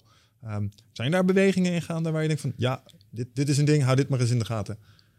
Ja, nou ik denk dat is de toepassingen van CRISPR die er nu aankomen. De, de CRISPR, daar waren we al, al, al decaden mee bezig, maar CRISPR heeft een enorme zwieper eraan gegeven. Mhm. Eh, andere technieken, het aflezen van het hele genoom, dat kost in eerste instantie 3 miljard dollar en, en, en 10 jaar en duizenden, duizenden wetenschappers. Dat, we hebben nu een machine die het overnacht doet voor 200 Ja. Euro en dan ook nog eens een keer voor 20 in plaats van voor één mens. Dus dat, dat, dat soort versnellingen blijven wij zien in ons en, dat, en eh, die worden ook altijd instantaan weer met elkaar gecombineerd. Dus ik zie weer exponentiële, nog steeds een exponentiële groei van, de molecule, van mijn vak, van de moleculaire biologie. Dat betekent dat, net dat je, daar kan je straks alle dingen voor kanker, alle dingen voor Alzheimer, al die grote geestels, alle grote virusziekten, TB, malaria, noem ze op, eh, die kunnen we steeds beter aanpakken. Ehm, je ziet ook dat eh, artificial intelligence eh, steeds interessanter wordt en zich gaat interesseren in onze soort van ruizige big data met eindeloos verborgen patronen die waar of niet waar zijn. Ja. En dat daar nou, dat is een enorme beweging waarin dat convergeert. Eh, AI-bedrijven die zich op medische vragen gaan richten, AI-bedrijven die zich op biologische vragen gaan Ja. richten. En daar is bijvoorbeeld één, één lijn die ik wel, die is interessant, maar ook wel voelt wel bedreigend. Het is als je een, als je een haar vindt van een dader, Ja. of, van een mogelijke dader, dan kan je de DNA, hè, dat DNA-patroon, en dan kan je volgens, als je die dader zelf vindt, kan je kijken of die dat DNA bij zich Ja. heeft en of het niet iemand anders is. Maar het DNA van die haar kan je tegenwoordig, je kan ook al zien, is het een man of een vrouw? Mhm. Want als er een eigen chromosoom DNA in zit, is het van, komt die van een man. Nou, dan heb je al de helft van de wereld uitgesloten. Ja. Je kan ook zien, ehm, is het een, iemand een Caucasiër, iemand uit Europa? Is het iemand uit Turkije? Is het iemand uit Azië? Ehm, je kan eh, ook waarschijnlijk nu al zien, heeft hij blauwe ogen? Heeft hij eh, blond haar? Ehm, er wordt nu aan gewerkt. Kan ik, hè, als je een een-eigen tweeling ontstaat uit hetzelfde, heeft precies dezelfde DNA-code. De, de, de eicel na bevruchting splitst per ongeluk een keer en, je, en die groeit tot twee individuen uit in plaats van tot één. Maar Mm. ze zijn eigenlijk hetzelfde. Die zien er precies hetzelfde uit. Dat betekent dat zoals wij hier zitten, wij volledig door onze DNA-code eruit zien zoals we eruit zien. Dat betekent in wezen ook dat als je die DNA-code goed genoeg begrijpt, dat als jij een haar vindt, kan je voorspellen hoe die eigenaar van de haar eruit ziet. Mhm. Daar wordt nu onderzoek aan gedaan. Kan ik het gezicht reconstrueren wat bij deze haar Oh, daar moeten geen fouten in kruipen. En eh, in, in China staan tegenwoordig, het is echt zo, ik heb het eh, vorige maand nog gezien, staan overal camera's eh, met gezichtsherkenning. Eh, die kunnen waarschijnlijk alle anderhalf miljard Chinezen volgen. Ja, En dat doen ze waarschijnlijk ook. ja. Als je nou ergens een haar vindt, dan heb je een database met anderhalf miljard burgers. En je kan zo zeggen, hey, dat is die eh, 300 miljoen, 328 daar die daar woont. Daar is deze haar van. Laten we, daar eens, aan, laten we Ja. daar eens aanbellen. Ja, ja, ja, Want je kan gewoon, als je de, het gezicht, de gezichten gedocumenteerd hebt, kan je zo zeggen, deze haar is die persoon. Nu kunnen we zeggen, deze haar komt van die persoon als we het DNA van beide hebben. Nou, dat willen we in Nederland niet. Hè. We willen niet een DNA-bank alleen maar van misdadigers, niet van, eh, niet van iedere burger. Ja. Ja. blijkbaar is een fotootje op een paspoort. Is straks, ik denk dat dat niet heel lang gaat duren. Dat je gewoon kan voorspellen hoe, hoe de eigenaar van een haar eruit ziet. Ja, omgekeerd niet, denk ik. Dat Nee. van een, Ja, nee, dat, nee, nee, nee, dat zal, dat, nou, dat zal ongetwijfeld ook moeten kunnen, maar dat, nee, dat is Ja. ja. ingewikkeld. Nee, maar interessant. Nou, we hebben AI hier vaker besproken en ook aangewezen als een eh, grote eh, disruptor, maar ook als een eh, accelerator in een heleboel eh, domeinen. En ik denk hier met name ook, eh, want ja, net wat je zegt, het is allemaal fuzzy big data. Ja. En, en voor mensen Ja. heel moeilijk om daar een patroon in te ontkennen. Ja, Ja. Zo'n machine, die kan dat razendsnel. ja, ja. ja, er wordt nu heel, wat ze heel erg goed kunnen is beelden, eh, patronen in, in, in beeld herkennen. Pathologen in, in de kankerbehandeling heel belangrijk. Een beetje weefsel wordt onder de microscoop bekeken. En dan zien die pathologen zien patronen. En die kunnen dan zeggen, nou, dit is een darmkanker stadium 3. Ik zie wat ontaarding daar. Mm. ziet er goed uit. En op grond daarvan wordt de patiënt behandeld. Maar dat zijn menselijke ogen. Daar zit 100 jaar verbetering, informatieuitwisseling tussen mensen. Mhm het is duidelijk dat die artificial intelligence systemen dit veel beter kunnen. Als je die honderdduizend uh, microscopen, microscopische plaatjes met de diagnose van de patholoog erbij, die vaak toch wel een beetje subjectief is. Als er tien naar kijken, komen ze niet allemaal op hetzelfde uit. Maar als je dat allemaal invoert, dan maak je die bestaan al, dan maak je uh, systemen die superieur zijn aan wat een patholoog kan. Interessant. Ik hoorde, uh, we hebben een ehm, inmiddels een half jaar geleden hebben we een lezing georganiseerd met een aantal van onze gasten. Paul Smit was er daar één van. En Paul Smit is een, uh, ook een, uh, ja, een filosoof, neuroloog, uh, gaat ook over vrij wil zijn. Wat hij zei, de kracht van het onderbewustzijn is. Wat ze doen in het leger nu, is heel simpel, of heel, heel, heel creatief, combineren ze AI met het onderbewustzijn van mensen. Dus dan laten ze afbeeldingen voor iemand die een specialist is in bunkers vinden, afspelen. Hij spot ze niet, maar zijn onderbewustzijn spot ze wel. En AI kan in zijn hersenpatroon zien, oh je hebt iets gespot. Dat was op die foto. dan gaat de specialist daarna nog een keer kijken. En dan vinden ze dus, en dat zou met tumoren. Oh, Omdat de, de, de, menselijke geest is stiekem toch nog wel een stuk knapper in sommige opzichten ook weer als AI. Nou, daar hadden we het aan het begin over. Dat is denk ik dat proces wat ik probeerde te beschrijven, waarin er van alles borrelt en broeit in je onderbewuste. Dat er dingen naar boven komen die pas als idee verschijnen, terwijl je hersenen waarschijnlijk al heel lang mee bezig zijn. Ja, ja. Dus, ja, denk ook. Nou ja, we hadden het er straks natuurlijk over het feit dat er een boel uh, in de ratio gebeurt. Um, weet je, uh, we denken met name, maar ik denk dat dat ook is wat intuïtie is. Uh, een beetje weten in welk kant je Dat is volgens mij, dat zijn signalen van dat soort systemen die ook informatie verwerken. Ja, interessant. Um, dus in dat, in dat gebied aantal interessante ontwikkelingen op de horizon. Um, u bent, we hadden het er straks even ook natuurlijk daarnaast minder actief geworden op lab zeg maar op de werkvloer zelf, maar iets meer uh, richting het, uh, het land gaan. Er zitten een aantal, u bent bij KNW bent u betrokken geweest. Groot instituut om wetenschap te promoten. Zo interessant vertelde dat dat ook best wel wat aandacht heeft vanuit het Koningshuis. Ja, het is de Koninklijke Nederlandse Academie van Wetenschap. Ieder land heeft een academie. Dat zijn, als het goed is, is dat een, een, een vereniging van de meest vooraanstaande wetenschappers. Mhm. In Nederland zijn dat alle disciplines. In, in Engeland de Royal Society is vooral de beta-wetenschappers. Um, die zijn over het algemeen uh, zijn een adviesorgaan voor de overheid. Uh, ook een beetje een sociëteit waar oude geslaagde wetenschappers ja. uh, sherry gaan drinken. wordt nu enorm verjongd overigens, want het blijkt sinds Robert Dijkgraaf, mijn voorganger, een, een, belangrijke stem te, te kunnen vertegenwoordigen. waar de, de, overheid met name goed naar luistert, ook de Tweede Kamer bijvoorbeeld. Mm in Nederland is het een koninklijk instituut, uh, door Napoleon opgericht. En uh, zijn broer was de koning, dus was de eerste president. En uh, dat is uiteindelijk overgenomen door de Oranjes toen ze koning werden. En dus ja, de koning verschijnt met enige regelmaat en brengt formele of informele werkbezoeken aan de academie. Ja, Ah, de reden dat ik over begin is omdat we hadden het er straks over het onderwerp vaccinatie. Um, ik denk dat wij het in Nederland best wel goed hebben als het gaat om welke plek wetenschap en de invloed die dat heeft op bijvoorbeeld wet en regelgeving. dat proberen we wel zo goed mogelijk te doen volgens mij. op andere plekken in de wereld, neem bijvoorbeeld Amerika, waar iets als hoe heet het nou, creation theory of zo, ook op scholen moet worden gedoseerd als alternatief op de evolutieleer. zie je dat toch iets minder? Um, en we hadden het er straks al even over. Ik wou het toch nog wel eventjes uh, aanboren. Uh, er is momenteel een uh, hele anti-vax trend gaande in de wereld. En ik, oh. ik weet niet zo goed waarom die mensen denken dat het een slecht idee is. Mijn boerenverstand zegt maar dat vaccineren wel een goed idee is. Maar ze hebben allerlei argumenten die niet altijd even geldig lijkt zijn om het van niet te willen doen. Um, wat weet u daarvan en wat lijkt u daar het best in? nou ja, het is heel curieus uh, uh, dat, dat mensen twijfelen aan de kracht van vaccins. Als je mhm. kijkt naar wat er in Europa is gebeurd sinds Pasteur de eerste vaccins heeft uitgevonden. Er zijn alle, al die gezels waar mensen, die zich mensen zich niet zo goed herinneren. Zoals, uh, nou, noem ze maar achter elkaar polio. Is, ja. ik ken nog mensen die door polio verlamd zijn geraakt. Uh, dat is de rest van je leven, uh, of je gaat dood, of je, of je uh, ja. hebt een arm of een been of weet wat niet meer doet. Dat is gewoon uitgebannen door het poliovaccin. het is misschien nu iets te lang geleden dat die ziektes prominent waren in Nederland.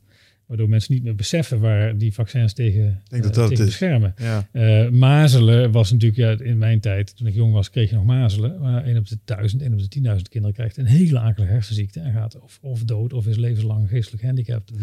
Eh, daar kan je tegen beschermen. Ja. Er is nou op dit moment in Amerika een outbreak, met name onder eh, orthodoxe joden die niet vaccineren.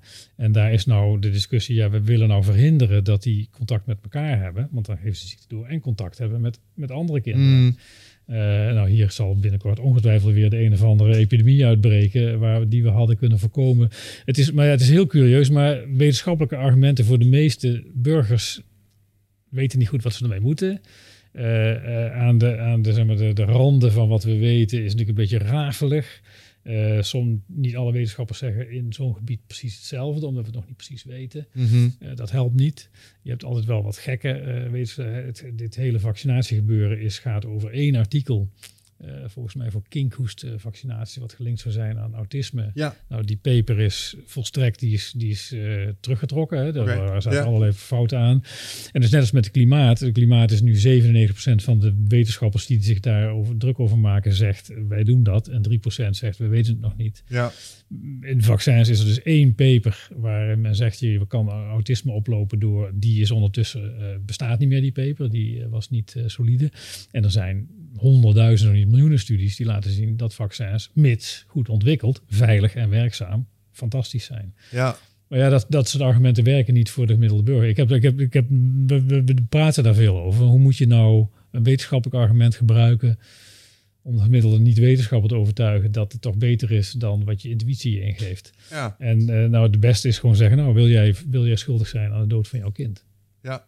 Als jij nu niet vaccineert voor een serie van 20 ziekten die we nu, eh, dan is de kans groot dat er in Nederland kinderen overlijden door zo'n besluit. Wil jij dat? Wil je die verantwoordelijkheid hebben? Ja, ja, ik vind het zo fascinerend, want het, het lijkt inderdaad gestoeld op twee dingen. Enerzijds een aantal publicaties die het in twijfel hebben getrokken. En dan vervolgens, als je daar dan inhoudelijk op in wil gaan, zeg ja, maar onderzoek, ja, maar die wetenschappers en eh, de farmaceuten. En dan er is dan een Ja. neiging om een soort groepje mensen neer te willen zetten, die blijkbaar als doel heeft om mensen te voorzien van een of ander goedje, zodat ze makkelijk, ik weet niet, zo makkelijk te beheersen, weet ik het, Eh, van die aluhoed-theorietjes. Eh, dat zit Ja. daar ook heel Ja, sterk in. nou, Als het daarover gaat, kom je direct dat vaarwater in. Complottheorie denken. Nou, het internet staat er natuurlijk bol van. Ik heb het gevoel dat antivaxers ook in de platte aarde theorie geloven. Weet je dat idee? Ja, ja, ja. Nou, ik heb laatst op een, op een groot, het grote stamcelcongres in de wereld. Had ik een discussie met een van de dames die, eh, van de organisatie, van de congresorganisatie, die fel anti-vaccins was. En eh, ja, dat is gewoon, daar, ik bedoel, geen enkel argument blijft plakken. Als Nee. je zegt van, eh, dus- en, en het is, ja, Wat zijn los van het autisme-argument inhoudelijke argumenten die ze hebben tegen vaccineren? er zit, ja, er zouden, er zouden toevoegingen zijn in die vaccins. Die vaccins is natuurlijk, het is, het is een structuurtje wat lijkt op de ziekteverwekker, waardoor Ja. je een afweer opbouwt. Maar dat moet stabiel gehouden worden. Net zo goed als er in voedsel natuurlijk allerlei toevoegingen zitten om het stabiel te houden, dat, het niet, hè, dat je het kan vervoeren, dat je het Mm. kan bij 4 graden kan bewaren, dat je kan injiceren, dat het op zijn plek komt waar het terecht moet komen. En daar wordt dan van, ja, er zit zink in of zoiets dergelijks. Of er zit allemaal aluminium in. Ja, er zit inderdaad aluminium in, maar er zit heel veel aluminium in je lichaam. Ja. Dat wordt dat, als je zonder aluminium kan je niet leven. Dus dat is helemaal niet een gif. Maar er wordt dan neergezet als een gif. En, eh, Ja. eh, de, de, is een bordje, en het is inderdaad, het zijn commerciële partijen die dat maken. Ja, pillen worden gemaakt door farmaceutische bedrijven. Eh, ja, maar je eten ook. En je Ja, ja, ja, ook. ja, en dus. Het, is, het, is een, een- ja, het is heel moeilijk te vatten. Ehm, de, de, de vaccinaties voor baarmoederhalskanker. Ik bedoel, als je baarmoederhalskanker in je, in je familie hebt meegemaakt, dat is een akelige ziekte. Mhm. Vaak jonge vrouwen. Daar is er iets tegen. Er is een Nobelprijs voor gegeven. Zelfs we weten nou waar het ook komt. Het is een virus. Het is gewoon een besmettelijke ziekte eigenlijk. Ja. Ehm, we kunnen het verhinderen. En dan komen er allemaal, want er zijn natuurlijk jonge meisjes die je moet vaccineren, eh, seksualiteit op de achtergrond. eh, en dan ineens komt er van alles los. Ja, het werkt maar tien jaar. Eh, dan zeg je, ja, zo wat, als het tien jaar werkt, heb je dat niet. Als dat waar is, Ja. waarom, is dat, waarom gebruik je dat dan tegen het vaccin? Want als je het niet doet, heb je nul jaar bescherming. Dat was een van de belangrijke argumenten. Of eh, eh, meisjes voelen zich beschermd en gaan dus meer contacten aan. En nou, weet je, dat kan. Maar, Ja, maar dat- de dat pil draagt daar Dat is meer een aan bij dan een, ding. Dat heeft daar geen, eh, nee, dat nee, geen invloed op nee, maar het is maar die discussie. Nou, dat is een vaccin wat, eh, wat niet goed aangeslagen. is. Ik denk, als, als ik weet de cijfers niet precies, maar dat is al een eh, groot deel van de jonge Nederlandse vrouwen zijn niet gevaccineerd. Hmm. Ja. Ja, het is toch schrijnend als het, uh, als als je, de ziekte, als je de ziekte kent, uh, als je hem een keer hebt meegemaakt en je weet dat je dat kan voorkomen. Dus je neemt nogal een verantwoordelijkheid als ouder als je dat, als je, als je, dat je kind onthoudt. Ja, ik denk dat dat een beetje hetzelfde is als oorlog. Als je geen mensen in je directe omgeving hebt gekend die, die de oorlog hebben meegemaakt, dan, dan, is je, ben, je niet, ben je niet doordrongen van hoe erg dat was. Dan wordt het een theoretisch. Ja. Uh, ja, Ik denk dat daar ook een sterke, dat daar de disconnect achter zit. En er is natuurlijk ook een trend gaande om het allemaal all naturals te willen doen. Dus biologisch, organisch is super hip. En dit voelt misschien als synthetisch. Als, als, het kan, ja. ja nee, Europa met name heeft natuurlijk een enorm uh, probleem met alles wat synthetisch is.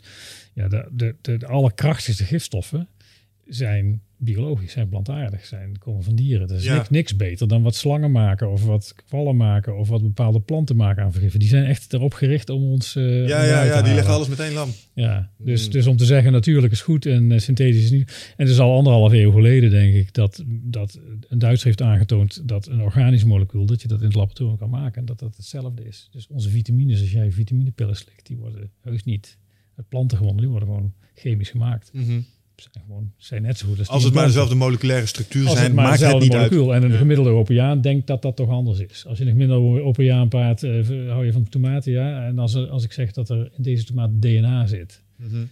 dan heel veel mensen willen het dan niet eten. Ik denk dat we dat ook gaan meemaken met labvlees. Als je het over global warming hebt, zijn van de belangrijkste dingen uh, carbon emissions terugbrengen. Ja, ja. Vleesindustrie is een ding. Ja. We hebben Marianne Thieme gehad. Ze van ja, iedereen moet gewoon planten eten. Um, En toen hadden we van ja, maar je kan eventueel ook uh, vlees uit een vat laten kweken. Ja. ja. maar ik weet niet of mensen dat willen kopen, want dat is toch een beetje eng als het uit zo'n vat komt. Ja, kan ik me ook wel voorstellen. Ja, maar als ik u goed begrijp, maakt het als het een eiwitproteïne is. Uh, en het lijkt op, ik zag op kip, dan is het, dan is het dat gewoon. Nee, het is, het is gewoon, ja, nee. Dat zou niet, nee, het is niet gevaarlijk, maar ik kan me voorstellen dat je dat uh, manipulatie van je eten in een lab. Nou ja, wat, wat hier tegenaan ligt, waar ik wel een hele aperte mening over heb. Nederland heeft dus weggestemd, Europa heeft weggestemd dat wij CRISPR vrijelijk mogen gebruiken in de landbouw. Dat heeft Azië niet gedaan, dat heeft Amerika ook niet gedaan. Ja. Daar zetten wij onszelf op een enorme uh, achterstand. Economisch, nou kun je zeggen dat kunnen we wel. Maar ook uh, de voedselproductie. Als onze, als onze wereld nog verder toeneemt, als wij uh, niet plantenresistent mogen maken tegen insecten, ja, dan zul je insecticiden moeten blijven gebruiken. Als jij niet uh, tegen temperatuurwisselingen uh, je planten resistent wil Mm. maken. Dat doen we nu op een buitengewoon ingenieuze manier in Nederland, maar zonder dat we formeel DNA modificeren. We, we doen dat achterlangs, eigenlijk zoals de natuur het doet. Je maakt gewoon een miljard seminatieplantjes en je pakt die ene eruit met dat nieuwe DNA-foutje wat net iets geeft wat je wil. Dat je ook rechtstreeks kunnen maken. Ja. Maar uh, Europa heeft nu besloten dat dat een genetisch gemodificeerd organisme is. Amerika dat het niet zo is. In China maken ze zich helemaal niet druk om. Ja. En uh, Afrika vindt het alleen maar fantastisch dat ze waarschijnlijk hun voedselproblemen kunnen overwinnen. Ja, nee, met verbeterde planten. Dus dit is zoiets dat ik denk. En dat is echt die, die natuurlijk synthetische discussie die in Europa enorm leeft. Dat is niet natuurlijk, dus dat is ongezond of slecht of ethisch of religieus verwerp, verwerpelijk. Ja, dat is niet zo. Voor een wetenschapper is het onbegrijpelijk, maar... Nou, nou, ik begrijp het. Ik geloof dat. Maar een van de wetenschappelijke argumenten die ik potentieel zou kunnen begrijpen, is dat op het moment dat je genetisch gemodificeerde planten loslaat in een ecosysteem, dat je niet kunt voorspellen wat het doet met dat ecosysteem. Ja, maar hetzelfde gebeurt met, met iedere veranderde organisme die continu ontstaan. Ja. De moeder natuur doet het zelf non-stop, is wat je zegt. Ja, en, en wat wij nu in Nederland, wat, wij, wat die bedrijven, daar kunnen we echt trots op zijn, ontzettend goed kunnen, is door uh, DNA, dus random DNA-verandering en dan selectie, kunnen ze iedere plant maken die je wil. Ze kunnen grote tomaten, kleine tomaten, ze kunnen Ja, ja, ze ja, hoog laten groeien, laag laten groeien, resistent, niet resistent.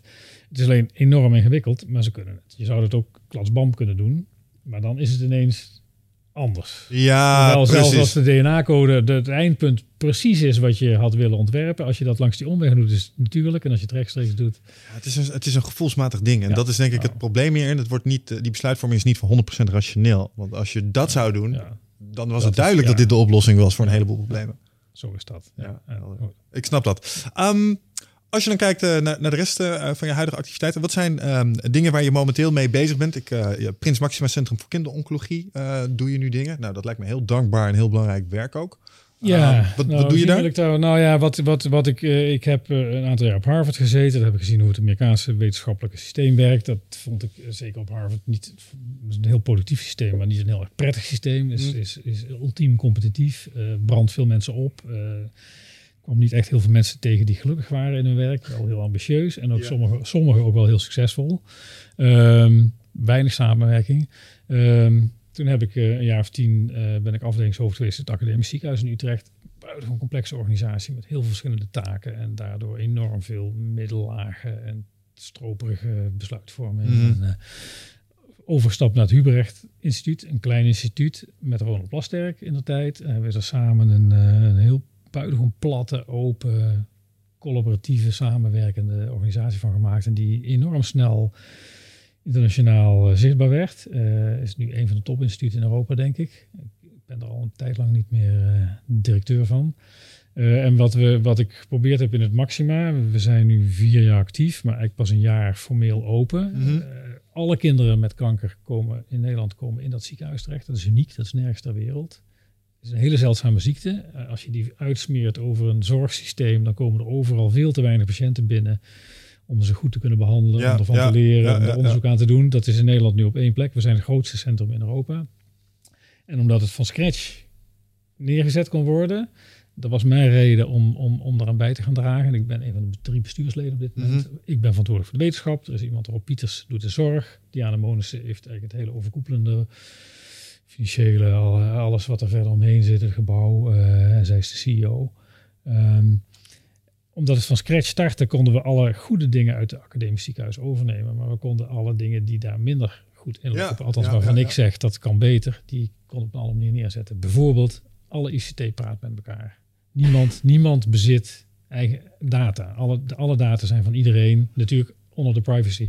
Niemand bezit patiëntenmateriaal. Ja, ik, ik, lach hierom omdat ik deze wereld heel goed ken. Ik kom uit uh, de IT. Uh, eh, ik oh, heb ja. altijd gewerkt voor een bedrijf. Wij faciliteren primaire processen in de eerste en tweede lijn zorg. Precies. En ik heb zoveel discussies meegemaakt. Nou, nee, dit is ons systeem. Deze dossiers horen bij ons mogelijk. Oh jongens. nee, en denk, maar het ging toch om de zorg hier? Of hoe zit het? Nee, dit is hebben we dus van nee, we hebben gewoon aan de poort gezegd. Als je hier binnenkomt, als je hier komt werken.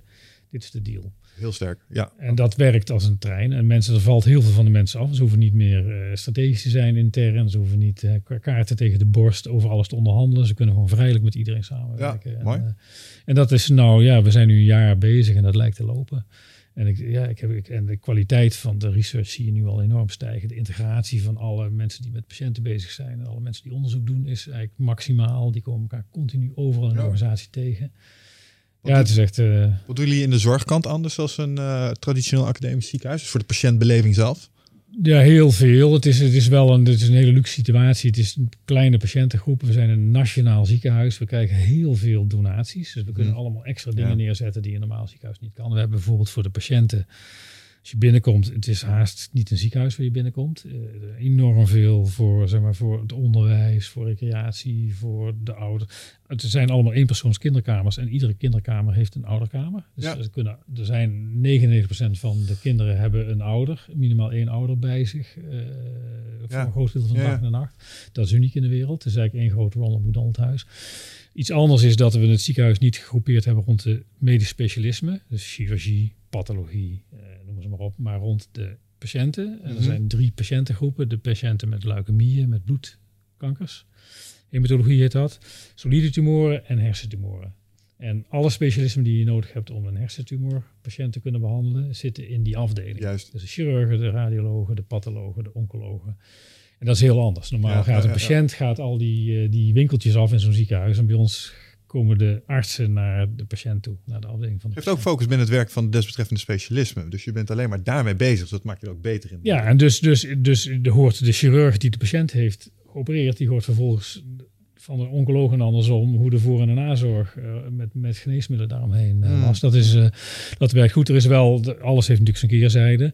Voor de opleiding is het heel erg fijn dat alle chirurgen zeg maar, in één hand opgeleid worden. Dus in een groot ziekenhuis wil je zowel de chirurg die de, de buikoperaties doet als de vaatoperaties doet. Dat wil je graag in één hand, in ja. blok En dat doen wij niet. Dat is een keuze. Dat betekent dat wij in de opleiding ineens dat wij de artsen heel veel moeten laten huppelen in plaats van de patiënten. Goed voor ze. Ja, het, het gouden laantje is een ding. Specialisten zijn eikels. ja, ja, ja. Is mij verteld. Ja, ik moet zeggen. Ik nou, het, is, het is niet helemaal waar, maar ik heb me wel laten vertellen dat er persoonlijkheidspatronen uh, zijn te herkennen in uh, bijvoorbeeld artsen en chirurgen. Bijvoorbeeld als je snijdend specialist bent, zit je waarschijnlijk op een bepaalde manier in elkaar. Ja, nee, het is heel duidelijk dat nou, in kinderartsen, waar we het meeste mee te maken hebben, dat zijn de meest vriendelijke hebben een roeping, jazeker. Uh, ja. Die hebben daar, nou, dat is ook echt. En, je, en inderdaad, snijdende vakken. Uh, ik ken natuurlijk heel veel, ook in mijn eigen familie. En mijn vrouw is medisch specialist.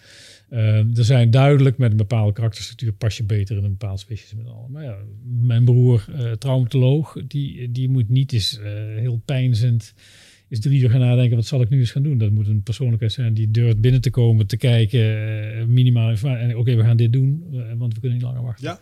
Dus, ja. maar dat is waar. Maar ik, ik ga ook al langer, langer mee. Uh, 40 jaar geleden waren, toen de tijd toen ik co-assistent was, 35 jaar geleden waren medisch specialisten, zeker in de periferie, of de professoren in de academische ziekenhuizen, de hoofden van de afdelingen, dat waren keizertjes. Ja. En met, die kunnen enorme gekkigheden erop nahouden. En die konden met messen gooien in de operatiekamer als er iets misging en zo. Ja, nu is het een heel vrouwelijk beroep geworden. Hè. 70% van onze studenten zijn vrouw. Okay. Uh, door de manier waarop we selecteren. Want we kijken naar de middelbare schoolprestaties. En onze meisjes zijn er beduidend beter in dan onze jongens. Ah. En er is nu echt een soort gender, omgekeerde genderbalans aan het ontstaan. Dat, dat, er, dat het moeilijk is om, om mannen te vinden voor allerlei specialismen. Hmm. En dat, er, dat, de, dat de vrouwen domineren. Dat heeft een enorm, dat maakt een enorm verschil van de toon van een ziekenhuis. Dat kan ik me voorstellen. Ja. Het is toch veel interactiever, veel uh, prettiger geworden. Mhm. Uh, ja. Nou is nu dan daar weer een man tussen. Dat zou ook wel weer helpen. Dus ik denk dat beide, beide genders wel hun, hun, hun bijdrage kunnen leveren. Ja. Uh, maar dat, dat is wel heel erg anders hoor. Het is nog steeds zo dat de snijdende vakken wat kordater, wat meer ego hebben dan de, dan de dat is wel de, ja, vakken. Dat is, dat is wel cliché, waar. Ja. Dat is wel waar, maar dat is ook wel waar. Oké. Okay. Ja, interessant. Nou ja, goed, ik, uh, ik kan me voorstellen dat dat ook voor patiënten en de zorg die je ontvangt, dat het ontzettend toe doet op wat voor manier zo'n uh, zo'n ziekenhuis te werk gaat. Ik ben vanuit dat verledende gezondheidszorg met IT ben ik ook in aanraking gekomen met ZBC's, onder andere met het Alexander Monro in Utrecht. Ja. En die, die um, zo'n naam ontschiet me, maar ik ben met die arts in gesprek geweest. En hij had een hele duidelijke visie op hoe je een kankerpatiënt dient te behandelen en hoe ver dat afstaat van de manier waarop dat nu gebeurt. Ja. Diagnostiek is een van de meest duidelijke voorbeelden. Als, je, als ze vermoeden van kanker hebben, vertellen ze dat gewoon. Uh, en dan gaan we een test doen en dan moet je soms drie weken op wachten. Ja. Hij zegt, mensen worden het ziekst in die drie weken. Dus ik zie ze zeg maar ervoor en ik zie ze daarna. En, en ze zijn niet dezelfde, want ze, ze zijn ervan overtuigd dat ze doodgaan. Denk je dat dat iets doet met je gezondheid of niet? Ik zeg, ja, ik denk het wel. Ja, bij ons weet je het binnen een dag. Nou, dat, vind ik, dat vind ik geniaal. Nee, dat is waar. Het ziekenhuizen zijn ze. Nou ja, dat, dit is al. Het komt van ver, laat ik het zo zeggen. Want toen Ja. ik 30, 40 jaar geleden in allerlei ziekenhuizen rondliep, eh, ja, daar werd, daar werd niet vanuit de patiënt eh, gedacht. Eh, hier het, oogheelkundige, eh, het oogheelkundige ziekenhuis hier in Utrecht, het zat nog in de stad. Daar werden alle patiënten om 9 uur opgeroepen. Mhm. Eh, die tussen 9 en 12 een dokter zouden zien. Die zaten gewoon vanaf 9 uur en die werden om de, om de beurt naar boven geroepen in een willekeurige volgorde. Ja. Ja, dat is natuurlijk niet aan de orde. Als we, als we daar dan naar kijken, hè, naar de ontwikkelingen in de gezondheidszorg en de rol van de patiënt daarin. Voorheen was het echt, eh, je komt bij een specialist die vertelt jou, jij luistert. Je ziet steeds meer een verschuiving richting eh, patiëntregie. Dus je bent zelf ook mede verantwoordelijk voor je dossier en je behandelpad en dat soort dingen. Wat vind je van die ontwikkeling? Ja, goed, maar eh, daar, veel patiënten willen toch ook wel dat de dokter de lead neemt. Die willen Mhm. ook wel gewoon horen, u heeft dit en eh, eh, dit zou het beste zijn. Ja. Die moet je ook met allerlei besluiten, die, je moet niet het besluit eenzijdig bij de patiënt liggen. Die willen vaak wel sturing en leiding hebben. Ja. In het UMCU is nu, is nu kan, je, kan iedere patiënt in zijn eigen dossier kijken. Eh, de vrees was, artsen waren er nog wel tegen, want eh nou word je overladen met e-mails. Je krijgt elke avond één, één prikken en je Ja. krijgt tien e-mails die je moet beantwoorden. Dat blijkt enorm tegen, mee te vallen, eh, wat, ik, wat ik her en der van collega's hoor. En, en leidt vaak tot verbetering van de zorg. De mensen zijn toch blijkbaar gaan vrij goed met hun eigen gegevens om. Sommige mensen willen het liever van de dokter horen dan dat ze het op internet Ja. zien. Wat je zegt, het is fijn om dezelfde dag te horen. Dus ik hoor ook wel terug dat sommige patiënten vinden. Laat mij nou even wennen aan het idee eh, dat Ah, ik misschien niet ja. heb. Het moet niet meteen in één dag alles doen. En dat hoor zie ik ook in Maxima. Dat, dat ook ouders zeggen als zo'n kind verdacht wordt van. Nou, het zijn natuurlijk altijd eigenlijk diagnose bij ons. 100 Het is altijd kanker. ja, ja. Die willen niet alles in één dag over zich heen gestort krijgen. Die willen een beetje rust en een beetje, dan we eerst dit doen en dat doen. En laten we het een beetje stapsgewijs denken, eh, wennen aan het idee. En ook aan wat jullie nou, hoe die behandeling eruit gaan zien. Want dat weet ook iedereen, dat zijn geen prettige eh, maanden of soms jaren die zo'n kind tegemoet gaat. Dus om daar een beetje, maar ook dat, eh, in ons ziekenhuis is, is bijna alles is opgezet samen met de patiënten en de ouders en de arts en de verpleging. Ja. Dus het hele gebouw is ontworpen rond. Dus niet meer, het wordt neergezet en daarna komen de patiënten binnen. Bijna alles hebben de patiënten of de ouders van de patiënten meegedacht. En dat is duidelijk tot enorm veel uh, aanpassingen in de oorspronkelijke plannen geleid, waar je zelf niet aangedacht had. Aangedacht had ja, ja. ja, nee, dat, dat kan ik me leven En heel simpel bijvoorbeeld eentje, die, die, uh, we hebben die ouders naast kinderen. Ehm, die ouders willen wel eens, je wil wel eens naar buiten. Je wil gewoon even weg bij je kind of even weg uit het mm. gebouw. En uh, als je dan in een klassiek uh, academisch ziekenhuis zit, heb je de pech misschien dat die al op de zevende verdieping zit. Dat als je dan bij je kind eventjes een uh, half minuutje weg wil, dus een sigaretje roken of zo, dan ben je tien minuten weg ja, met de lift en ja. dit en dat. Bij ons is er een, elke kamer heeft een balkon. Je kan gewoon naar buiten lopen. Dat hebben, dat hebben de ouders ah. bedacht. Die willen gewoon, maak nou een balkon, dat we even naar buiten kunnen, even luchtje scheppen en dan weer terug bij ons kind. Ja, nou, het doet een boel hoor. Zulke kleine dingen maken de hele beleving anders. Dat, uh, dat geloof ik oprecht. Oh. Ja, grappig detail trouwens. Eh, ik, kan me die discussie ook nog herinneren met inzagen in patiëntdossiers. En ik weet dat met name in de huisartsbranche was het toen de zorg dat als mensen gingen lezen. Ehm, ik weet niet hoe dat bij jou in je dossiers werkt, maar ze zijn behoorlijk steenho. En misschien ook niet noodzakelijk altijd even subtiel. Dus ik weet zeker dat in mijn medisch wel ergens wel de term hypochonder staat. nou ja, dat is dus als je weet dat de patiënt leest, schrijf je, Dan, schrijf je heel anders. Ja. En dat, dat, dat, ik hoor ook wel eens anekdotes van uitgeleiders dat je ook dat had ik misschien nog even anders. Of ook omdat je iets een, met, vanuit een bepaalde medische invalshoek opschrijft. En iemand die dat leest vanuit een heel andere hoek leest. En dan een hele andere boodschap meekrijgt dan jij. Ja, nou, ik snap hem wel, maar ja, tegelijkertijd, hoe erg is het ook? Dus ja, ja interessant. Oké, okay, um, ehm, dus um, de manier waarop jullie zorg nu geven in het uh, Prinses Maxima, daar maken jullie echt uh, beduidende stappen mee. Zijn er nog andere grote projecten waar je momenteel uh, je tijd en aandacht in steekt? Um, ja, nou, de, de, eigenlijk de, de grote ontdekking of doorbraak uit mijn lab. Uh, al dingetjes ontdekt die we reuze interessant vonden. Maar één wordt nu wereldwijd opgepakt. Dat is mhm. het, het, het uh, vermogen om van een klein beetje weefsel... waar altijd wat stamcellen in verborgen zitten van, van een patiënt... van een gezond uh, individu, om daar mini-orgaantjes te kweken. Dat, was, dat werd altijd gezien als dat kan niet. Toen stamcellen niet, die buiten het lichaam gaan ze dood. En mhm. wij hebben trucjes bedacht om ten eerste om ze op te sporen... en ten tweede om ze aan te moedigen om te doen wat ze in het lichaam heel goed kunnen, is namelijk nieuwe jong weefsel maken van het weefsel als uitkomen. En dat is voor taai-slijmziekte nu, is dat, uh, is dat uh, routine geworden. Dus als patiënten taai-slijmziekte hebben, bepaalde vorm van taai-slijmziekte, dan kunnen, als wij op zo'n mini-orgaantje kunnen laten zien dat hele dure middel, Orkambi, werkt voor deze patiënt, ja. dan vergoederen verzekeren ze dat. Oh. Zoals ik, we zijn er nu mee bezig, uh, maar het, wereldwijd wordt het nu opgepakt voor kanker. Als je een longinfect hebt, bacterie, longontsteking, mhm. dan uh, krijg je antibiotica, breed spectrum. Ja. Bedoel, uh, hagel, schot hagel. Uh, maar dan wordt er in het lab uitgezocht, jouw bacterie, waar is die nou precies gevoelig voor? En dan, dat was in mijn tijd drie dagen toen ik nog in de kliniek rondliep. Dat is nu waarschijnlijk wat sneller.